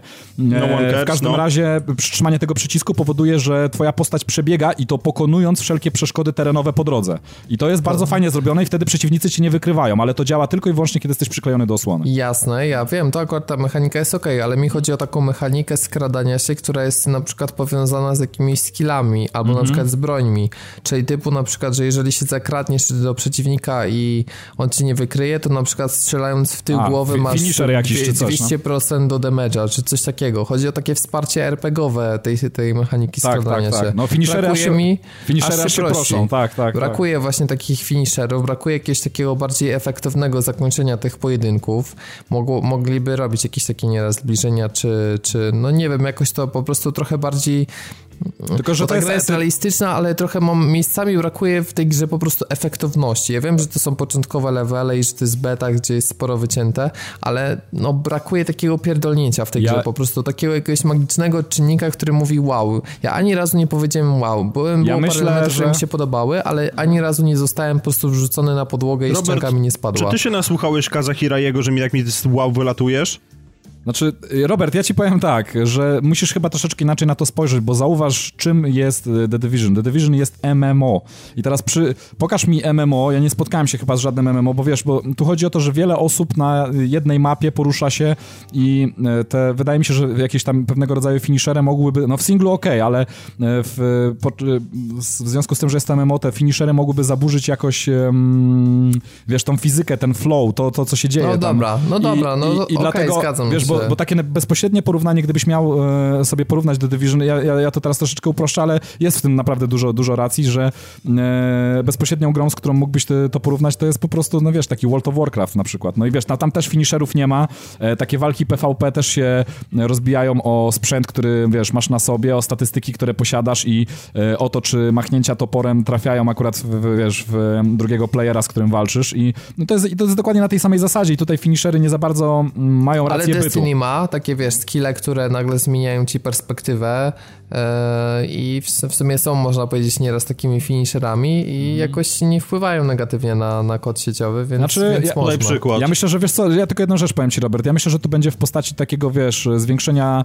e, firepower, e, jakichś tam konkretnych gadżetów czy, czy czegoś, czyli na, na zasadzie, bo to już widziałem gdzieś tam na jakichś filmikach, tego w becie nie było, ale gdzieś sam Ubisoft wklejał, czyli na przykład jakiś granatnik, który powoduje, że wiesz, wysadzasz w powietrze e, nagle całą ekipę, która gdzieś tam się przyczaiła. Także ja myślę, Fajne że to... są granaty zapalające, mhm. bo w sumie to nie są, nie mamy tu koktajli Mołotowa, tylko takie zapalające granaty. Idealnie wrzuciłem w grupę i zrobiła się taka na, na kilkanaście sekund zasłona mhm. i parę osób zostało tam uwięzionych i super to wyglądało. Generalnie ogień jest spoko. Ja, ja jeszcze tylko powiem o takiej jednej sytuacji, bo jeśli chodzi o te efekty, w ogóle o fizykę, fizyka mi się bardzo podoba, bo znaczy to nie jest może taki poziom, jaki byśmy chcieli, jakiś niesamowicie realistyczny, ale jednak tej realistyki jest dosyć dużo i przytoczę wam tu taką sytuację fajną, gdzie dwóch kolesi ubranych z, z tymi zmiotaczami płomieni, ubranych wiecie w takie stroje ochronne przeciwko płomieniom z butlami na, na, na plecach, chodzili w budynku i tam pilnowali jakichś jakich cywilów, których uwięzili i powiem wam, że no niesamowity efekt strzał z daleka ze snajperki w butle raz, gdzie wydobywa się gaz, drugi raz spowodował, że, że ta butla się zdetonowała i, i podczas detonacji tej butli e, wyleciały wszystkie szyby w, w przedniej witrynie sklepowej. Naprawdę rewelacja. I takie, tego typu akcje mm, e, rzeczywiście można, można, można tutaj w, w tej grze zrobić i, i, takie akcje akurat robią wrażenie. Naprawdę super tak. ta fizyka. Chociaż e, trzeba powiedzieć, że w stosunku do tego, co było pokazywane kiedyś na E3, to zmniejszono bardzo mocno liczbę detali na ulicach. O tak, Tych tak, takich tak. rzeczy, które się walają, śmieci czy na tłoku samochodów jest mniej. Y, stestowaliśmy z Piotrkiem, jak działa strzelanie w opony, to jest to niestety... Obs- to, jest, to jest strasznie wkurwiające. No zawsze tak samo. Po prostu... Jest za, za znaczy, nie, tak, nieważne nie czy to... w felgę, czy w oponę, zawsze tak samo y, się rozwala opona. Tak, to jest strasznie wpieniające. Poza tym ja, ja ogólnie rzecz biorąc mam problem, tutaj Szymon chwalisz fizykę, mm. Natomiast fizyka jako, jako założenie jest bardzo ok, ale problem polega na tym, że ona jest strasznie usłana bagami w tej chwili. Jest, to prawda. Bo -hmm. szczególnie, szczególnie w tym całym Dark Zone, tak, w strefie multiplayerowej zdarzają się po prostu jakieś takie kuriozalne sytuacje, e, że, że gracze lewitują dwa metry nad ziemią, i, i no ale po prostu beta, jest... No ja, wiesz, ja, tego, ja, znaczy, ja wiesz, tego no, nie beta, akurat, ale, no.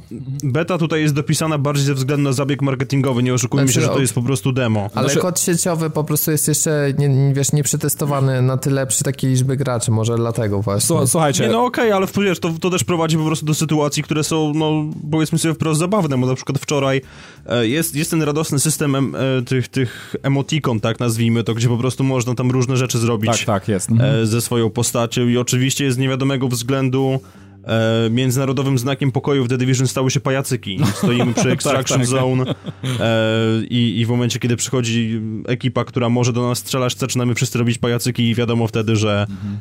e, że nie mamy złych intencji, także wszyscy czekamy na to, że ten śmigłowiec przyleci. Natomiast problem polega na tym, że wczoraj właśnie ze znajomym graliśmy i stanęliśmy sobie, zaczęliśmy robić te pajacyki. Dołączył do nas trzeci kolega, który gdzieś tam w międzyczasie coś robił i ze względu na to, że dołączył do nas w momencie, kiedy my robiliśmy te pajacyki, to następnie u niego nad mapą lewitowaliśmy, robiąc te te pajacyki cały czas, mimo że u nas się normalnie poruszaliśmy. O, no to niezły bug. No ale wiesz, no, ja nie chciałbym też na takie szczegóły aż tak zwracać uwagę, bo myślę, że takie rzeczy raczej wyeliminują, a pewnych pewnie nie unikną. Natomiast no. jeszcze co wam powiem w kwestii tego realizmu, to z jednej strony widać takie dążenie do tego, żeby to było realistyczne, ale z drugiej strony jak mamy skill leczący, to już tak mm, mam taki trochę dysonans. No, Strzelanie apteczką na odległość to jest też tak. No. no, no tak, ale no to, to jeszcze jakiś tam można by wymyśleć, jakiś, nie wiem, granat leczący mhm. czy coś, ale taki skill, który wiesz, prawie działa jak magia po prostu i tak, nagle wiesz, tak, leczy nas to w momencie tego całego starania się o realizm to trochę mi nie pasuje. Zastanawiam się, czy jakoś inaczej mogli tego nie ograć. No, A z takich pi mhm. pierdół, y, pamiętacie na trailerze była butelka wody wzięta, tak, y, że leżała na, stole, na stole i bohater ją chował pod, y, pod kurtkę. Mhm. To była pełna animacja, to Niestety to zostało wycięte. Ma, tak. I jeszcze jedna rzecz, która była zajebista, została wycięta, mianowicie jak znajdywaliśmy skrzynię z bronią, to w, na tamtym trailerze bohater ją otwierał, następnie tam leżała rzeczywiście ta broń, którą brał później do ręki i ją oglądał. E, nie pamiętam już jaka gra miała taką mechanikę z tym bardzo dokładnym. Wydaje mi się, że to e... The Order. O tak, to właśnie coś Crysis, w stylu... Crysis też miał taką mechanikę. Tak, ale The Order miał świetnie to rozwinięte i to właśnie było trochę coś na wzór Ordera i niestety to również. A to takie ale drobne wiesz, no smaki, problem... on, i gdyby ta mechanika była, to wyobraźcie sobie jaka byłaby mega radość z tego, żeby każdą broń dostawać taką zarąbistą. No Robert, ale wiesz, to jest kwestia po prostu tego, jak wielkie to by było zadanie, bo w The Order ile miałeś tych broni, a ile tych broni masz tutaj. No, no to jest inna rozumiem. skala, to jest MMO, ale, ale powiem wam, że ja mimo wszystko będę bronił, bo pewne smaczki można wychwycić i na przykład yy, domykanie drzwi yy, jednak jest. Co prawda jest tego tak mało, znalazłem co prawda chyba tylko dwa samochody przez całą betę, w których można było to zrobić, ale jednak jest, więc zostawili to. Yy, a rzecz, Robert, ty powiedziałeś o tym, że no, nie znalazłeś elementu, który wywołał opad szczęki. Ja taki jeden element znalazłem i powiem szczerze, że jestem naprawdę w wielkim szoku. Weźcie sobie, znajdźcie, bo beta chyba jeszcze działa teraz jak to nagrywamy, więc dziś... No się zdaje, że w ogóle została przedłużona jakoś do wtorku, tam do 13 czy coś więc, takiego, ale to nie, to nie jest potwierdzone, od razu Więc mówię. spróbujcie sobie tylko oczywiście nie jakąś bronią wielkokalibrową, tylko czymś może mniejszym. Weźcie sobie, znajdźcie dużą szybę i spróbujcie wyciąć w niej kształt. Naprawdę się da. Nie jest to zrobione oczywiście jeden do jednego, to nie jest fizyka oddana um, e, tak może jakbyśmy sobie tego życzyli, tak, czyli absolutnie jeden do jednego, ale naprawdę to działa. Jakiś, wiecie, naprawdę kształt można sobie w, w, szybach wyciąć i ten kształt rzeczywiście wypadnie. Mówię o witrynach sklepowych, bo w samochodzie jest to o wiele ciężej, e, cięższe do zrobienia. E, ale, no, ale spróbujcie. Także naprawdę no, robi to wrażenie. No ale później, okej, okay, to robi może wrażenie, ale za chwilę patrzysz się w odbicia na tych szybach i widzisz, że one są takie statyczne i w ogóle mm nie widać tam głównego bohatera. Nawet gdyby to jakoś zrobili na mega niskich detalach, ale żeby tam jakaś, jakiś dynamizm był, a to naprawdę to, co pokazali, to, to poziom last genowy, więc niestety jest tak, że na jakiś taki jeden element y, naprawdę imponujący wizualnie, jak na przykład system oświetlenia, to mamy y, niskiej jakości tekstury. E, mamy ciekawą fizykę, ale właśnie już na przykład odbicia, czy na przykład animacji. No ta gra po prostu technicznie mam wrażenie, że jest po prostu nierówna. Ma jedne aspekty, które są zarąbiście dopracowane i naprawdę robią wrażenie i są takie, które odstają standardem od wielu innych gier. Nie wiem, no. czy mieliście takie wrażenie.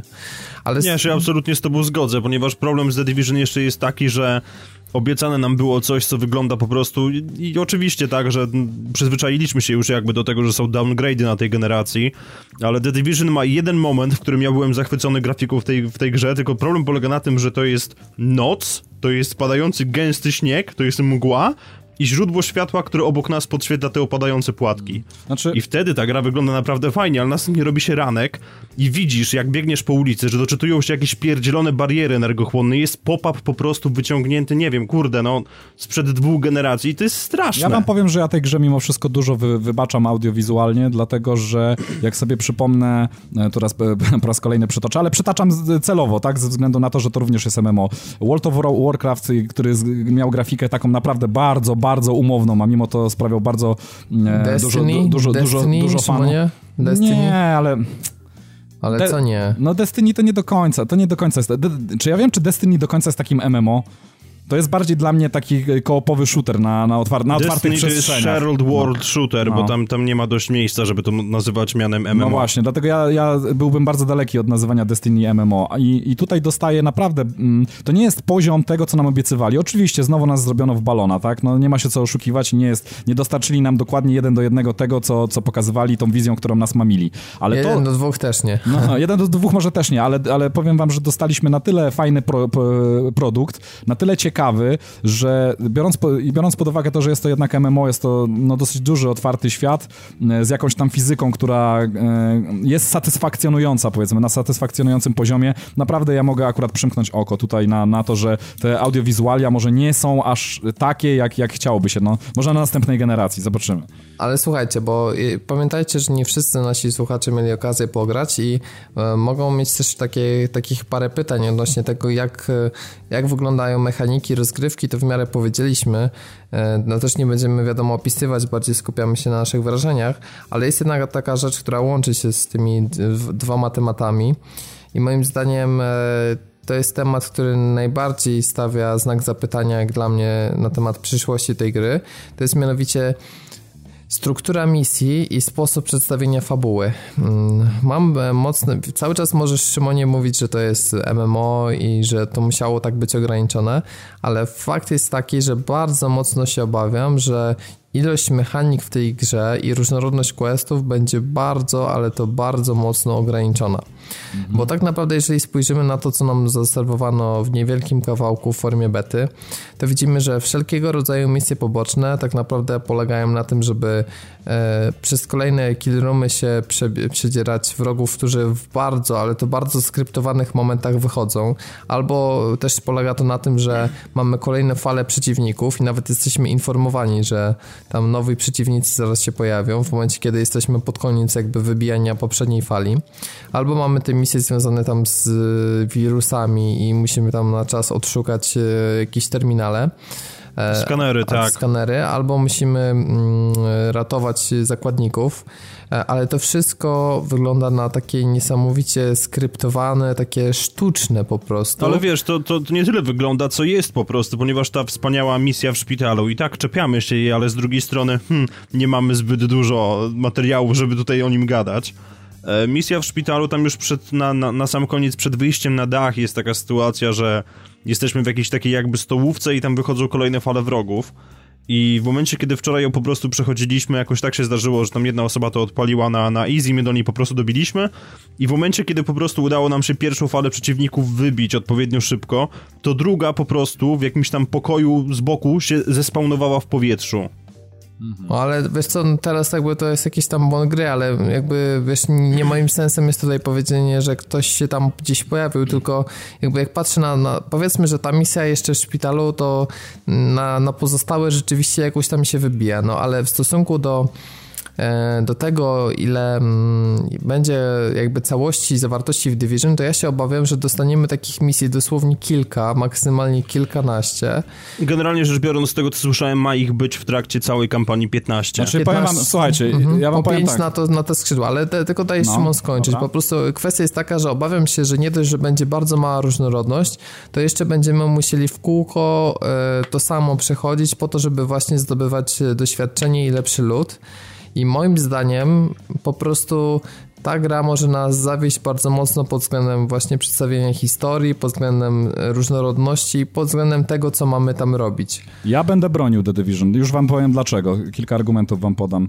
Um, znaczy o kilku rzeczach, kilku aspektach może powiem. Wydaje mi się, że po pierwsze będzie główny wątek fabularny, bo to chyba tak na to się zapowiada, tak? Od tego e, przelotu śmigłowcem na samym początku, e, poprzez odbicie po raz pierwszy budynku, w którym zakładamy bazę, no i co sugeruje nam misja w szpitalu, będzie to zdobywanie w głównym wątku fabularnym kolejnych członków ekipy, które pozwolą nam na rozbudowę tej bazy i mm, e, tym samym e, jakby i popchanie fabuły dalej i e, odkryje nam nowe możliwości już w samych mechanikach gry. To jest pierwsza rzecz.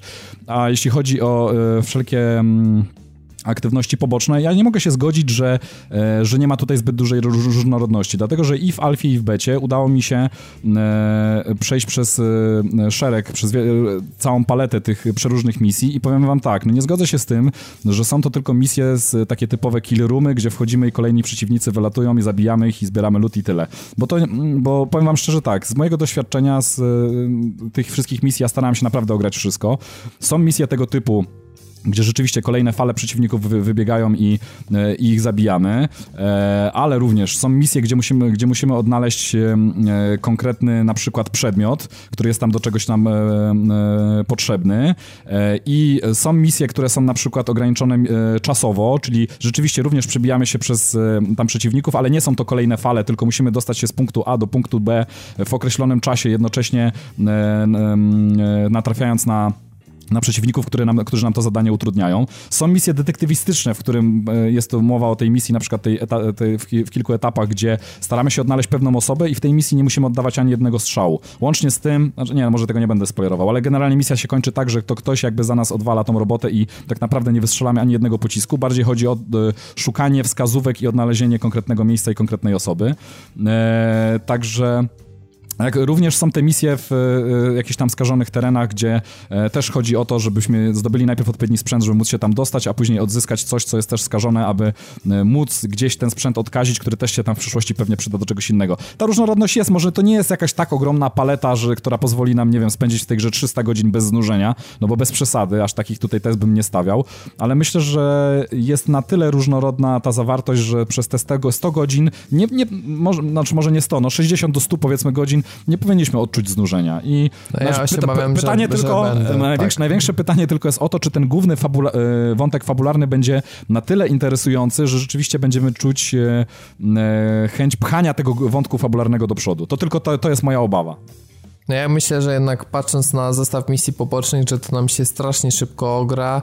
Jeszcze może te misje, które są znaczone jako sidequesty, jakoś w miarę się obronią, natomiast te całe encounters i e, te pozostałe, które są takimi drobniejszymi znacznikami ustawione, to dla mnie niestety, ale mimo wszystko nie do końca się to jest to zgodzę. Dla mnie to są bardzo niewielkie różnice i jakby w samym odbiorze gry na dłuższą metę takie nie aż tak odczuwalne. Znaczy nie, ja się zgodzę tylko z tym, Robert, że Encounters są tak naprawdę najsłabszym, najsłabszą częścią tego wszystkiego, dlatego że no pierwsze 2, 3, 5, nie wiem, 10 może być całkiem fajne, ale później te Encounters chyba będą służyły tylko i wyłącznie temu, żeby przetestować nowy sprzęt, który zdobyliśmy. I chyba A ich właściwie... jest niestety najwięcej, no. jeśli chodzi o misje poboczne, przynajmniej tak to, patrząc To tu się akurat zgodzę, to jest, to jest chyba najsłabszy punkt tego wszystkiego. Bo inne misje są naprawdę ciekawe i nieźle się bawiłem. A, jeszcze zapomniałem was zapytać, wy znaleźliście podziemia? Tak. No, bo ja też znalazłem i powiem szczerze, że, że rzeczywiście są całkiem spore, tylko że niestety nie było tam w becie żadnych e, misji, nic, nic, no nic, tak, nic się nie działo, także mam nadzieję, mhm. że, że... E, no bo to dosyć fajnie jest zrobione, fajnie, ciekawe lokacje i mam nadzieję, że tam się będzie troszeczkę więcej działo już w pełnej wersji. Mhm. No tak. E, no właśnie, to zaraz jeszcze powiemy sobie o Dark Zone, ale jeszcze zanim o tym, to co ty powiesz, Piotrek, jak o tej różnorodności? Właśnie nie boisz się, że, że to tak będzie wyglądać, że w kółko to samo? Ja się tego absolutnie boję i właśnie to jest jeden z głównych powodów, dla których tej gry na premierę po prostu nie kupię.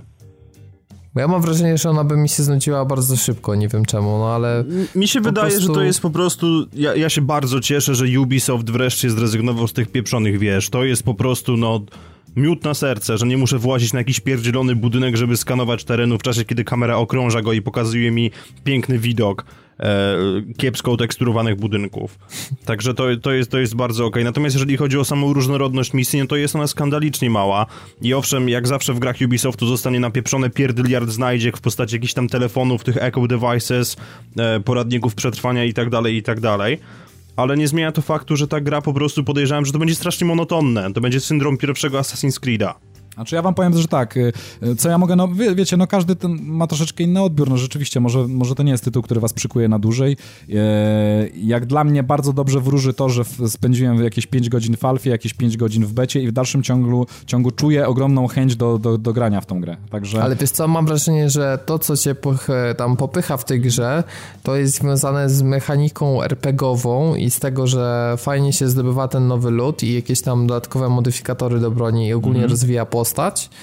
Być może też skille będą popychały, natomiast absolutnie nie popycha cię chęć odkrywania, nie wiem, dodatkowych nowych misji, czy, czy jakichś, nie wiem, rodzajów przeciwników, tego typu rzeczy. Znaczy, no główny wątek, tak jak mówimy, jest znakiem bo, zapytania. Ja, jedną rzecz tylko powiem, ale pamięta, pamiętajcie, że już wyskoczyły jakieś plotki o tym, że mają być podobno rajdy też na endgame'ie, co też bardzo dobrze wróży, jeśli to zostanie fajnie przemyślane jak to ogłoszę oficjalnie, to powiem, że fajnie, że są rajdy, natomiast na chwilę obecną tego nie powiem, ale jest jeden podstawowy problem z przeciwnikami. Dlaczego? I nie wiem, czy wątpię, żeby ktokolwiek z Ubisoftu tego słuchał, tym bardziej z ekipy, która jest odpowiedzialna za tę grę, ale przepraszam najmocniej, dlaczego do ciężkiej kurwy nędzy przez x godzin strzelamy cały czas do raperów? Jest czapka z daszkiem, jest kaptur, jest broń w jednej ręce trzymana po prostu jak, jak jakiś OG, i ja mam ochotę krzyknąć, że nie nagrasz już żadnego mixtape'a w momencie, kiedy pakuję mu kolejnego headshota. Znaczy, to też się nie do końca, znaczy większość tak, ale e, e, ale jest jedna rzecz, nie wiem, czy trafiliście na misję, w której walczycie z bossem? Mówię tutaj o takiej e, e, babeczce, która tam kieruje jakąś tam swoją ekipą. Oczywiście kieruje gru, grupą raperów, ale, ale sama nie jest już jakąś raperką, tylko jest zazbrojona tam po zęby. Zresztą na dachu szpitala też mamy bossa, który troszeczkę się różni od, od całej tej reszty. E, więc e, nie, no jakaś różna. No ale to wiesz, no problem polega na tym, że okej, okay, w porządku, fajnie, że masz bossów, -hmm. którzy czymś się wyróżniają, bo na przykład strzelają do ciebie ze snajperki, co w tej grze nie wiedzieć czemu manifestuje się faktem, że świecą ci latarką w twarz. -hmm. I, tak, i tak. nie wiem, nie no, autentycznie no tak. jest taki właśnie dziwny efekt, jakby ktoś ci halogenem po twarzy pierdyknął. -hmm. I to jest bardzo fajne, ale problem polega na tym, że przed nimi jest pierdzielona armia klonów, którzy zachowują się identycznie. I tak, to są fajne zachowania, tak jak Robert mówił, bo AI jest, no, całkiem okej okay i próbują nas oflankować, ale oni wszyscy wyglądają identycznie I, I jakby nie wiem Ej, dlaczego. ziomek, ale wiesz, to jest New York i wiesz, i Bronx, i Brooklyn, i wiesz, i tam o sam właśnie, jest gdzie jest Brooklyn? nie? Przepraszam, gdzie jest Brooklyn? Jak sobie popatrzyłem, wiecie co, na mapę gry w stosunku do mapy, która była pokazywana na tym filmiku z E3, oni naprawdę bardzo mocno to pocięli. Zastanawia mnie też ilość budynków, jakie będziemy zwiedzać w środku. E, wydaje mi się, że to będą przede wszystkim e, w przypadku misji głównych, natomiast e, w przypadku takich, takich misji pobocznych to raczej możemy mówić o takich mega ciasnych budynkach, gdzie tam parę, była taka jedna misja, gdzie tam się chodziło na, na dach budynku, były poszczególne piętra, które niektóre były skażone, tam, tam na części był szpital, takie zorganizowane łóżka leżały i ogólnie część była jakby zarażona, e, zakażona strefa, e, to to całkiem fajnie wyglądało to zwiedzanie tych mieszkań, natomiast e, wydaje mi się, że jednak większość czasu spędzimy na tym poziomie ulicy i no, no trochę szkoda, tak, no bo e, wydaje, wydawało mi się, że trochę więcej jakby wykorzystamy z tego Nowego Jorku, a póki co to, to jest jakby ten klimat ułożenia, klimat tych uliczek, no plus wysokie, szare, kiepsko oteksturowane budynki. Nie, ale spokojnie, Robert. Już zapowiedziano, że w pierwszym dodatku, który ma się pojawić, y, będzie prawdopodobnie linia metra i, i tam podziemna część No jakby em, Nowego Jorku, czyli, czyli to nie będzie tak, że, że nie będziemy się poruszali po tych pomieszczeniach. Myślę, że nawet po pierwszym dodatku możemy mieć dość biegania po zamkniętych, klaustrofobicznych pomieszczeniach. No zobaczymy. No to- okej, no metro, no ale dlaczego chociażby nie chcieliby dodać w dodatkach chociaż jakiegoś fragmentu, tak, innej dzielnicy? Mhm. Dlaczego nie chcieliby jednak rozszerzyć tej mapy w taki wymierny sposób, że ona, wiesz, powsta... No, no że nie jest jakaś dodatkowa, mm, dodatkowe miejsce, tylko cała, cała jakby lokacja, która nam rozszerza mapę, a jest y, potencjał do rozwoju bardzo duży. I wiesz, i okej, może być powiedziane, że to wyjdzie w Division 2, tylko że już dosyć mam tej gadki przy Destiny. Niestety obawiam się, że tutaj, tutaj mamy dokładnie powtórkę z rozrywki, to znaczy e, dostaliśmy środkową część Manhattanu, a miał być Nowy Jork, no po prostu. Ja bym w grach MMO, tak ja bym w grach MMO w ogóle, czy, ty, ty, czy tym podobnych, takich skupiających się wokół jakiejś rozgrywki multiplayer, y, tudzież jakiejś tam kooperacji, nie chciał kolejnych części. Powiem szczerze, że wolałbym, żeby do takich gier jak The, The Division e, czy, czy Destiny był, był dodawany kolejny content rozszerzający jakby tą grę, niż, niż jakieś miałyby wchodzić kolejne części, które jakby robiły grubą krechę, przekreślały wszystko, co było wcześniej i, i budowały wszystko od nowa. Także... Ale nie będą tak robić, bo to na zasadzie raczej miało być druga część, która ci przetransferuje całkiem postać. Ale słuchajcie, jeszcze tak, bo już e, czas, czasowo No e, tak, tak, długo tak, opowiadamy dokładnie. o grze, a chciałbym wam jeszcze opowiedzieć, o, znaczy zapytać się też o wasze wrażenia z jeszcze jednej mechaniki, której nie omówiliśmy, czyli Dark Zone. I teraz pytanie. Ja wam powiem tak. e, Moim zdaniem e, jest e, bardzo duży potencjał tego trybu i bardzo mi się podoba ten fakt, że. Bo jak to wygląda? Trafiamy na jedną strefę, która jest jakby wydzielona mm, na mapie, gdzie w odróżnieniu od jakby tej głównej części nie mamy instancjonowanej dla siebie mapy, tylko poruszają się tam też inni gracze.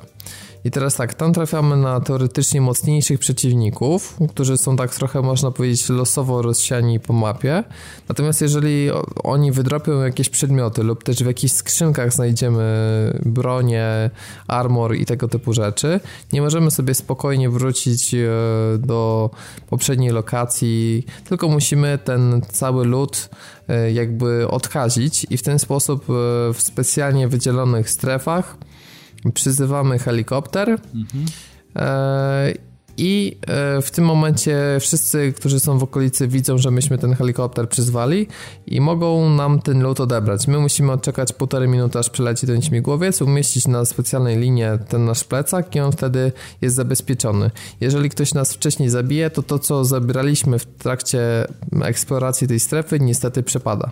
To jest bardzo fajna mechanika. To znaczy i tak i nie, Robert, No, przepraszam cię jeszcze przerwę. To może przepaść, ale nie musi, ponieważ jeżeli jesteś powiedzmy w Fireteamie złożonym z czterech osób, sam zginiesz, tak, a następnie twoi kompanii jakby wykończą typa, który cię zabił, to ty masz czas, żeby dotrzeć z punktu spawnowania się z powrotem do miejsca, w którym cię zabili i podnieść Tak, te przedmioty. Tak, ale wiecie co, mam problem bardzo pewien z tym, bo sama mechanika, się zgadzam z Szymoną, ona jest fajna, ale czy i realizacja jest do końca taka super? Mam parę zastrzeżeń. Po pierwsze, w trybie Dark Zone, póki co, może to się zmieni, nie ma określonych questów. To jest teren, w którym eksplorujemy, w teren w dodatku, w którym bardzo często przeciwnicy są wyczyszczeni przez innych graczy i często jest tak, że snujemy się po mapie nie do końca wiedząc, co mamy robić, gdzie mamy iść i co trzeba zrobić. Po prostu Ale czy to wiesz, no to jest typowe PvP tak naprawdę. No. No tak, ale znowuż zobacz, jaki byłby potencjał, gdyby można było mieć jakieś określone questy lub też te public eventy, o których mówiłem, mhm. gdzie na przykład raz, że gracze musieliby współpracować, żeby yy, zabić AI, ale mogliby siebie też zdradzać, bo na przykład tuż po wykonaniu public eventu sypnęłoby lutem i nagle zaczęliby się wyżynać między sobą. Mhm. Więc to byłby potencjał. Tego niestety nie ma. Znaczy, po drugie, no.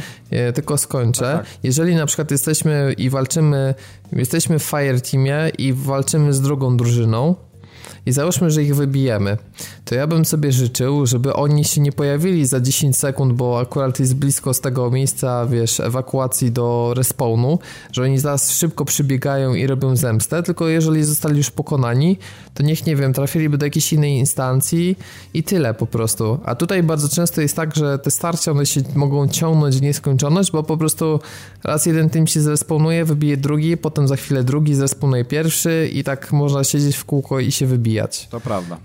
Moim zdaniem e, troszkę tego nie dopracowali, bo gdyby było tak, że pokonasz team i już się nie pojawiają, to byłoby też takie przeświadczenie, że rzeczywiście się zlikwidowało drużynę, że walczyliśmy o ten lód, wygraliśmy i mamy spokój. A tutaj tego spokoju ciągle nie ma i tak naprawdę to jest tylko kwestia tego, żeby jak najszybciej zakończyć, żeby w końcu e, te półtorej minuty minęło, ten lód oddać i szybko uciec. Ja, ja mam też jeszcze jeden bardzo podstawowy problem z całą mechaniką, tą, tą Gone Rogue tak?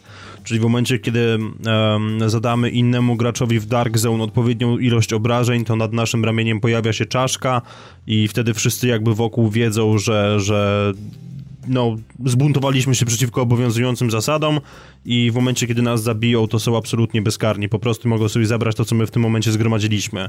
Problem z tą mechaniką polega na tym, że już teraz, tak, czyli no nie wiem, w trzecim dniu bety, pojawił się szereg graczy, którzy czekają, aż wyjdziesz z posterunku, czyli dostaniesz się do Dark Zone'u, tak po prostu i zaczynają do ciebie strzelać zaczynają do ciebie strzelać w takim celu, żeby stępić ci życie, ponieważ mechanika Rogue, e, ten, ten, ten cały status, tak, pojawia się w momencie, kiedy zdejmą nam jedną trzecią paska życia, czy kiedy wykonają po prostu jakieś trwałe, trwałe obrażenia, ponieważ tam ten pasek jest podzielony na trzy segmenty i on się regeneruje po segmencie do najbliższego pełnego segmentu. I problem polega na tym, że oni do nas strzelają, zdejmują nam prawie cały ten pasek i dopiero w momencie, kiedy ten pasek rzeczywiście spadnie, dostają status roga i w tym momencie wybijają nas granatem. A my nie możemy skontrować, bo w momencie, kiedy to zrobimy, to my dostajemy roga i oni mogą nas zabić kompletnie bezkarnie. No tak, zdarza się tak. Spotkałem się nawet z sytuacją, gdzie e, na, na jednym z dachów osadził się snajper, który strzelał we wszystkich, którzy wchodzili na, do Dark Zone'u. Także tak rzeczywiście dzieje się tak, ale powiem wam szczerze, że e, to znaczy poza pewnymi niedopracowaniami, bo tutaj się muszę zgodzić z wami, same, sama koncepcja jest całkiem niezła i powiem wam szczerze, że się mocno ubawiłem, dlatego że ja doświadczyłem wielu różnych scenariuszy. E, był scenariusz, w którym razem ze swoją drużyną wybijaliśmy się z drugą drużyną, żeby przejąć ich lód był E, element, kiedy ja, będąc w drużynie z innymi osobami, z randomami akurat, nie z nikim znajomym, e, zostałem zdradzony, zostałem zabity, mój lud został zabrany, jak i doszło do sytuacji, która wywołała ogromnego banana na, na mojej twarzy, gdzie dwa teamy spotkały się na lotnisku, obaj, e, jeden i drugi team, team miał swój lud, który chciał podczepić pod śmigłowiec.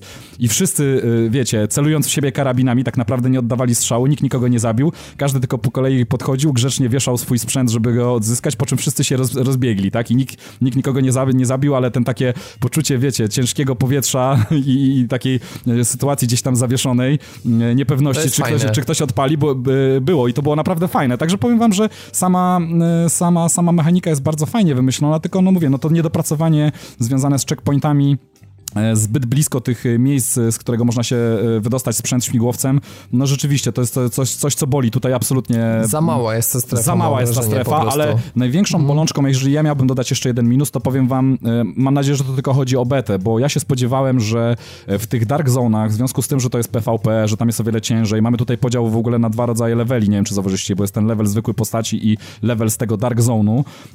Tak, i w becie mogłeś mieć podstawowy tak. ten bazowy single 8 i i 12 z No i generalnie jest ciężej i to sugerowałoby, tego ja się spodziewałem, że ten lód będzie naprawdę jakiś taki okazały, to będą jakieś naprawdę epickie rzeczy. Okazuje się, że to są zwykłe pierdoły, których, e, które tak naprawdę możemy znaleźć poza tym Dark Zone'em i wcale one nie są jakieś e, warte e, całej tej, wiecie, całej tej zadymy i całej, całej, całego tego zmagania się z innymi To znaczy, e, wiesz co. Szymon, ja się z tobą zgodzę w jednym aspekcie, ale w drugim z kolei nie, bo ile przedmioty, które znajdujemy, które tam się pojawiają w momencie, kiedy zabijemy jakiegoś bossa na dziewiątym poziomie, czy coś w tym stylu, no one rzeczywiście są badziewne i jedyne do czego się nadają to jest sprzedaż. Mhm. Ale jest ta cudowna mechanika, że w tych e, miejscach, które są skażone, pojawiają się skrzynki. Ale te, te, które można na konkretnym levelu otworzyć, tak? To... Nie, nie, nie, nie, nie, one nie, no, znaczy, ja nie, nie jestem pewien, czy tam jest mechanika powiązana z levelem Jest, tylko, jest, bo na tam jest ja po znalazłem prostu... skrzynkę, którą mogłem tylko na dziesiątym levelu, wtedy miałem chyba szósty, ten mówię o tym levelu Dark Zone i nie mogłem jej kompletnie ruszyć. I są też takie, Aha, gdzie musimy okej, no mieć Dark porządku, Zone no to- jakiś specjalny. Tak, tak, tak. Tak, tak, tak, właśnie o to chodzi, ale w momencie, kiedy po prostu wybijesz odpowiednią ilość mobów, bo tam jest, nie wiem, jakiś drop rate po prostu powiązany z tym, e, jak, jak, jak wybijamy te kontrolowane przez, przez CPU e, postaci, tak? W momencie, kiedy wybijesz, to wypadnie, wypadnie ci klucz, pójdziesz do takiej skrzynki, otworzysz ją i poza tym, że wypadnie ci jakiś tam item, który zapewne rozwalisz, wypada ci też poza tym tysiąc tej specjalnej waluty do Dark Zone'a. tak, tak, tak. I otwierasz cztery takie skrzynki i następnie kupujesz sobie po prostu broń, która no, no kosi. tak, Tak, to bo prawda. lepsze bronie są generalnie u vendora Dark Zone niż te, które się wydropiły, miałem takie wrażenie. Tak, tak, tak. To nie jest wrażenie, to jest fakt. Chociaż, no, i tak, właśnie. chociaż i tak zastanawiam się, ile leveli będzie tych broni, bo nie wiem, czy zauważyliście, e, są te bronie szare, czy tam sprzęt szary, który jest absolutnie badziewny, czyli tam zaniżający wręcz nasz, nasze stacje. Zielony, czyli taki standardowy, przeciętny i ja jeszcze spotkałem niebieski, czyli jakiś taki level wyżej, ale... To jest sporo Jest niebieskich, niebieski, jest fioletowy i jest A, i. fioletowy jeszcze Tak. też widziałem, rzeczywiście, jeden I fioletowy. jest złoty. złoto, ja sobie dzisiaj właśnie kupiłem broń O, złotą. no proszę. No to... Tak, Także jest, to jest coś jedyna ala broń egzotyk. złota jest chyba dostępna tam w Dark Zone w takiej skrytce, tak mi się Mhm. wydaje, znaczy tam jest coś takiego jak taki wiesz, Znaczy to safe, się nazywa safe house safe chyba, house. czy safe room. To, jak to jest tak, jedyne tak, miejsce w becie, gdzie możecie tak, zdobyć tak. właśnie złoty przedmiot. W tej bramie pomiędzy Dark Zone'em a, z- a z To znaczy, nie, nie, nie, nie, tych safe roomów jest od cholery, one są porozsiewane po całej mapie, one są oznaczone jakby tak, że masz po prostu drzwi, a obok nich jest takie kółko narysowane na ścianie. A rozgryźliście jedną rzecz, znalazłem e, tule do modyfikacji jakiejś właśnie chyba broni czy ekwipunku, ale nie można było tego chyba nigdzie użyć. Nie wiem czy... No bo crafting jest niedostępny w becie, jest stół do craftingu normalnie w barze. Aha, rzeczywiście, rzeczywiście. Tak, racja, ale co? to jest e, niestety mechanika, która jest niedostępna. Słuchajcie, Mhm. jeszcze e, wiecie co wpadłem, nawet gdyby aż takich konkretnych questów nie było w Dark Zone, ale chociaż żeby były takie na zasadzie takich bounty, że na przykład musimy, nie wiem, zabić 10 wrogów tego typu i za to dostajemy tą walutę Dark Zone albo na przykład expa do Dark Zone. Mhm. Wiecie, no jakieś takie dodatkowe, konkretne wyzwanie, które mamy zrobić w tej strefie, żeby nie było tak, że wchodzimy i na zasadzie, że nie wiem, szukamy mobów, y, szukamy skrzynek i to jest jedyne, co potrzebujemy. No i brakuje jeszcze jakiejś tam lepszej mechaniki, która by nas zachęcała, żeby tam dłużej siedzieć po prostu.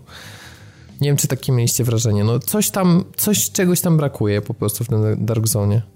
Ja się absolutnie zgodzę, ale co jeszcze muszę powiedzieć odnośnie już samej gry, a nie tylko Dark Zone'a, ja jestem, e, no nie wiem, rozczarowany klimatem.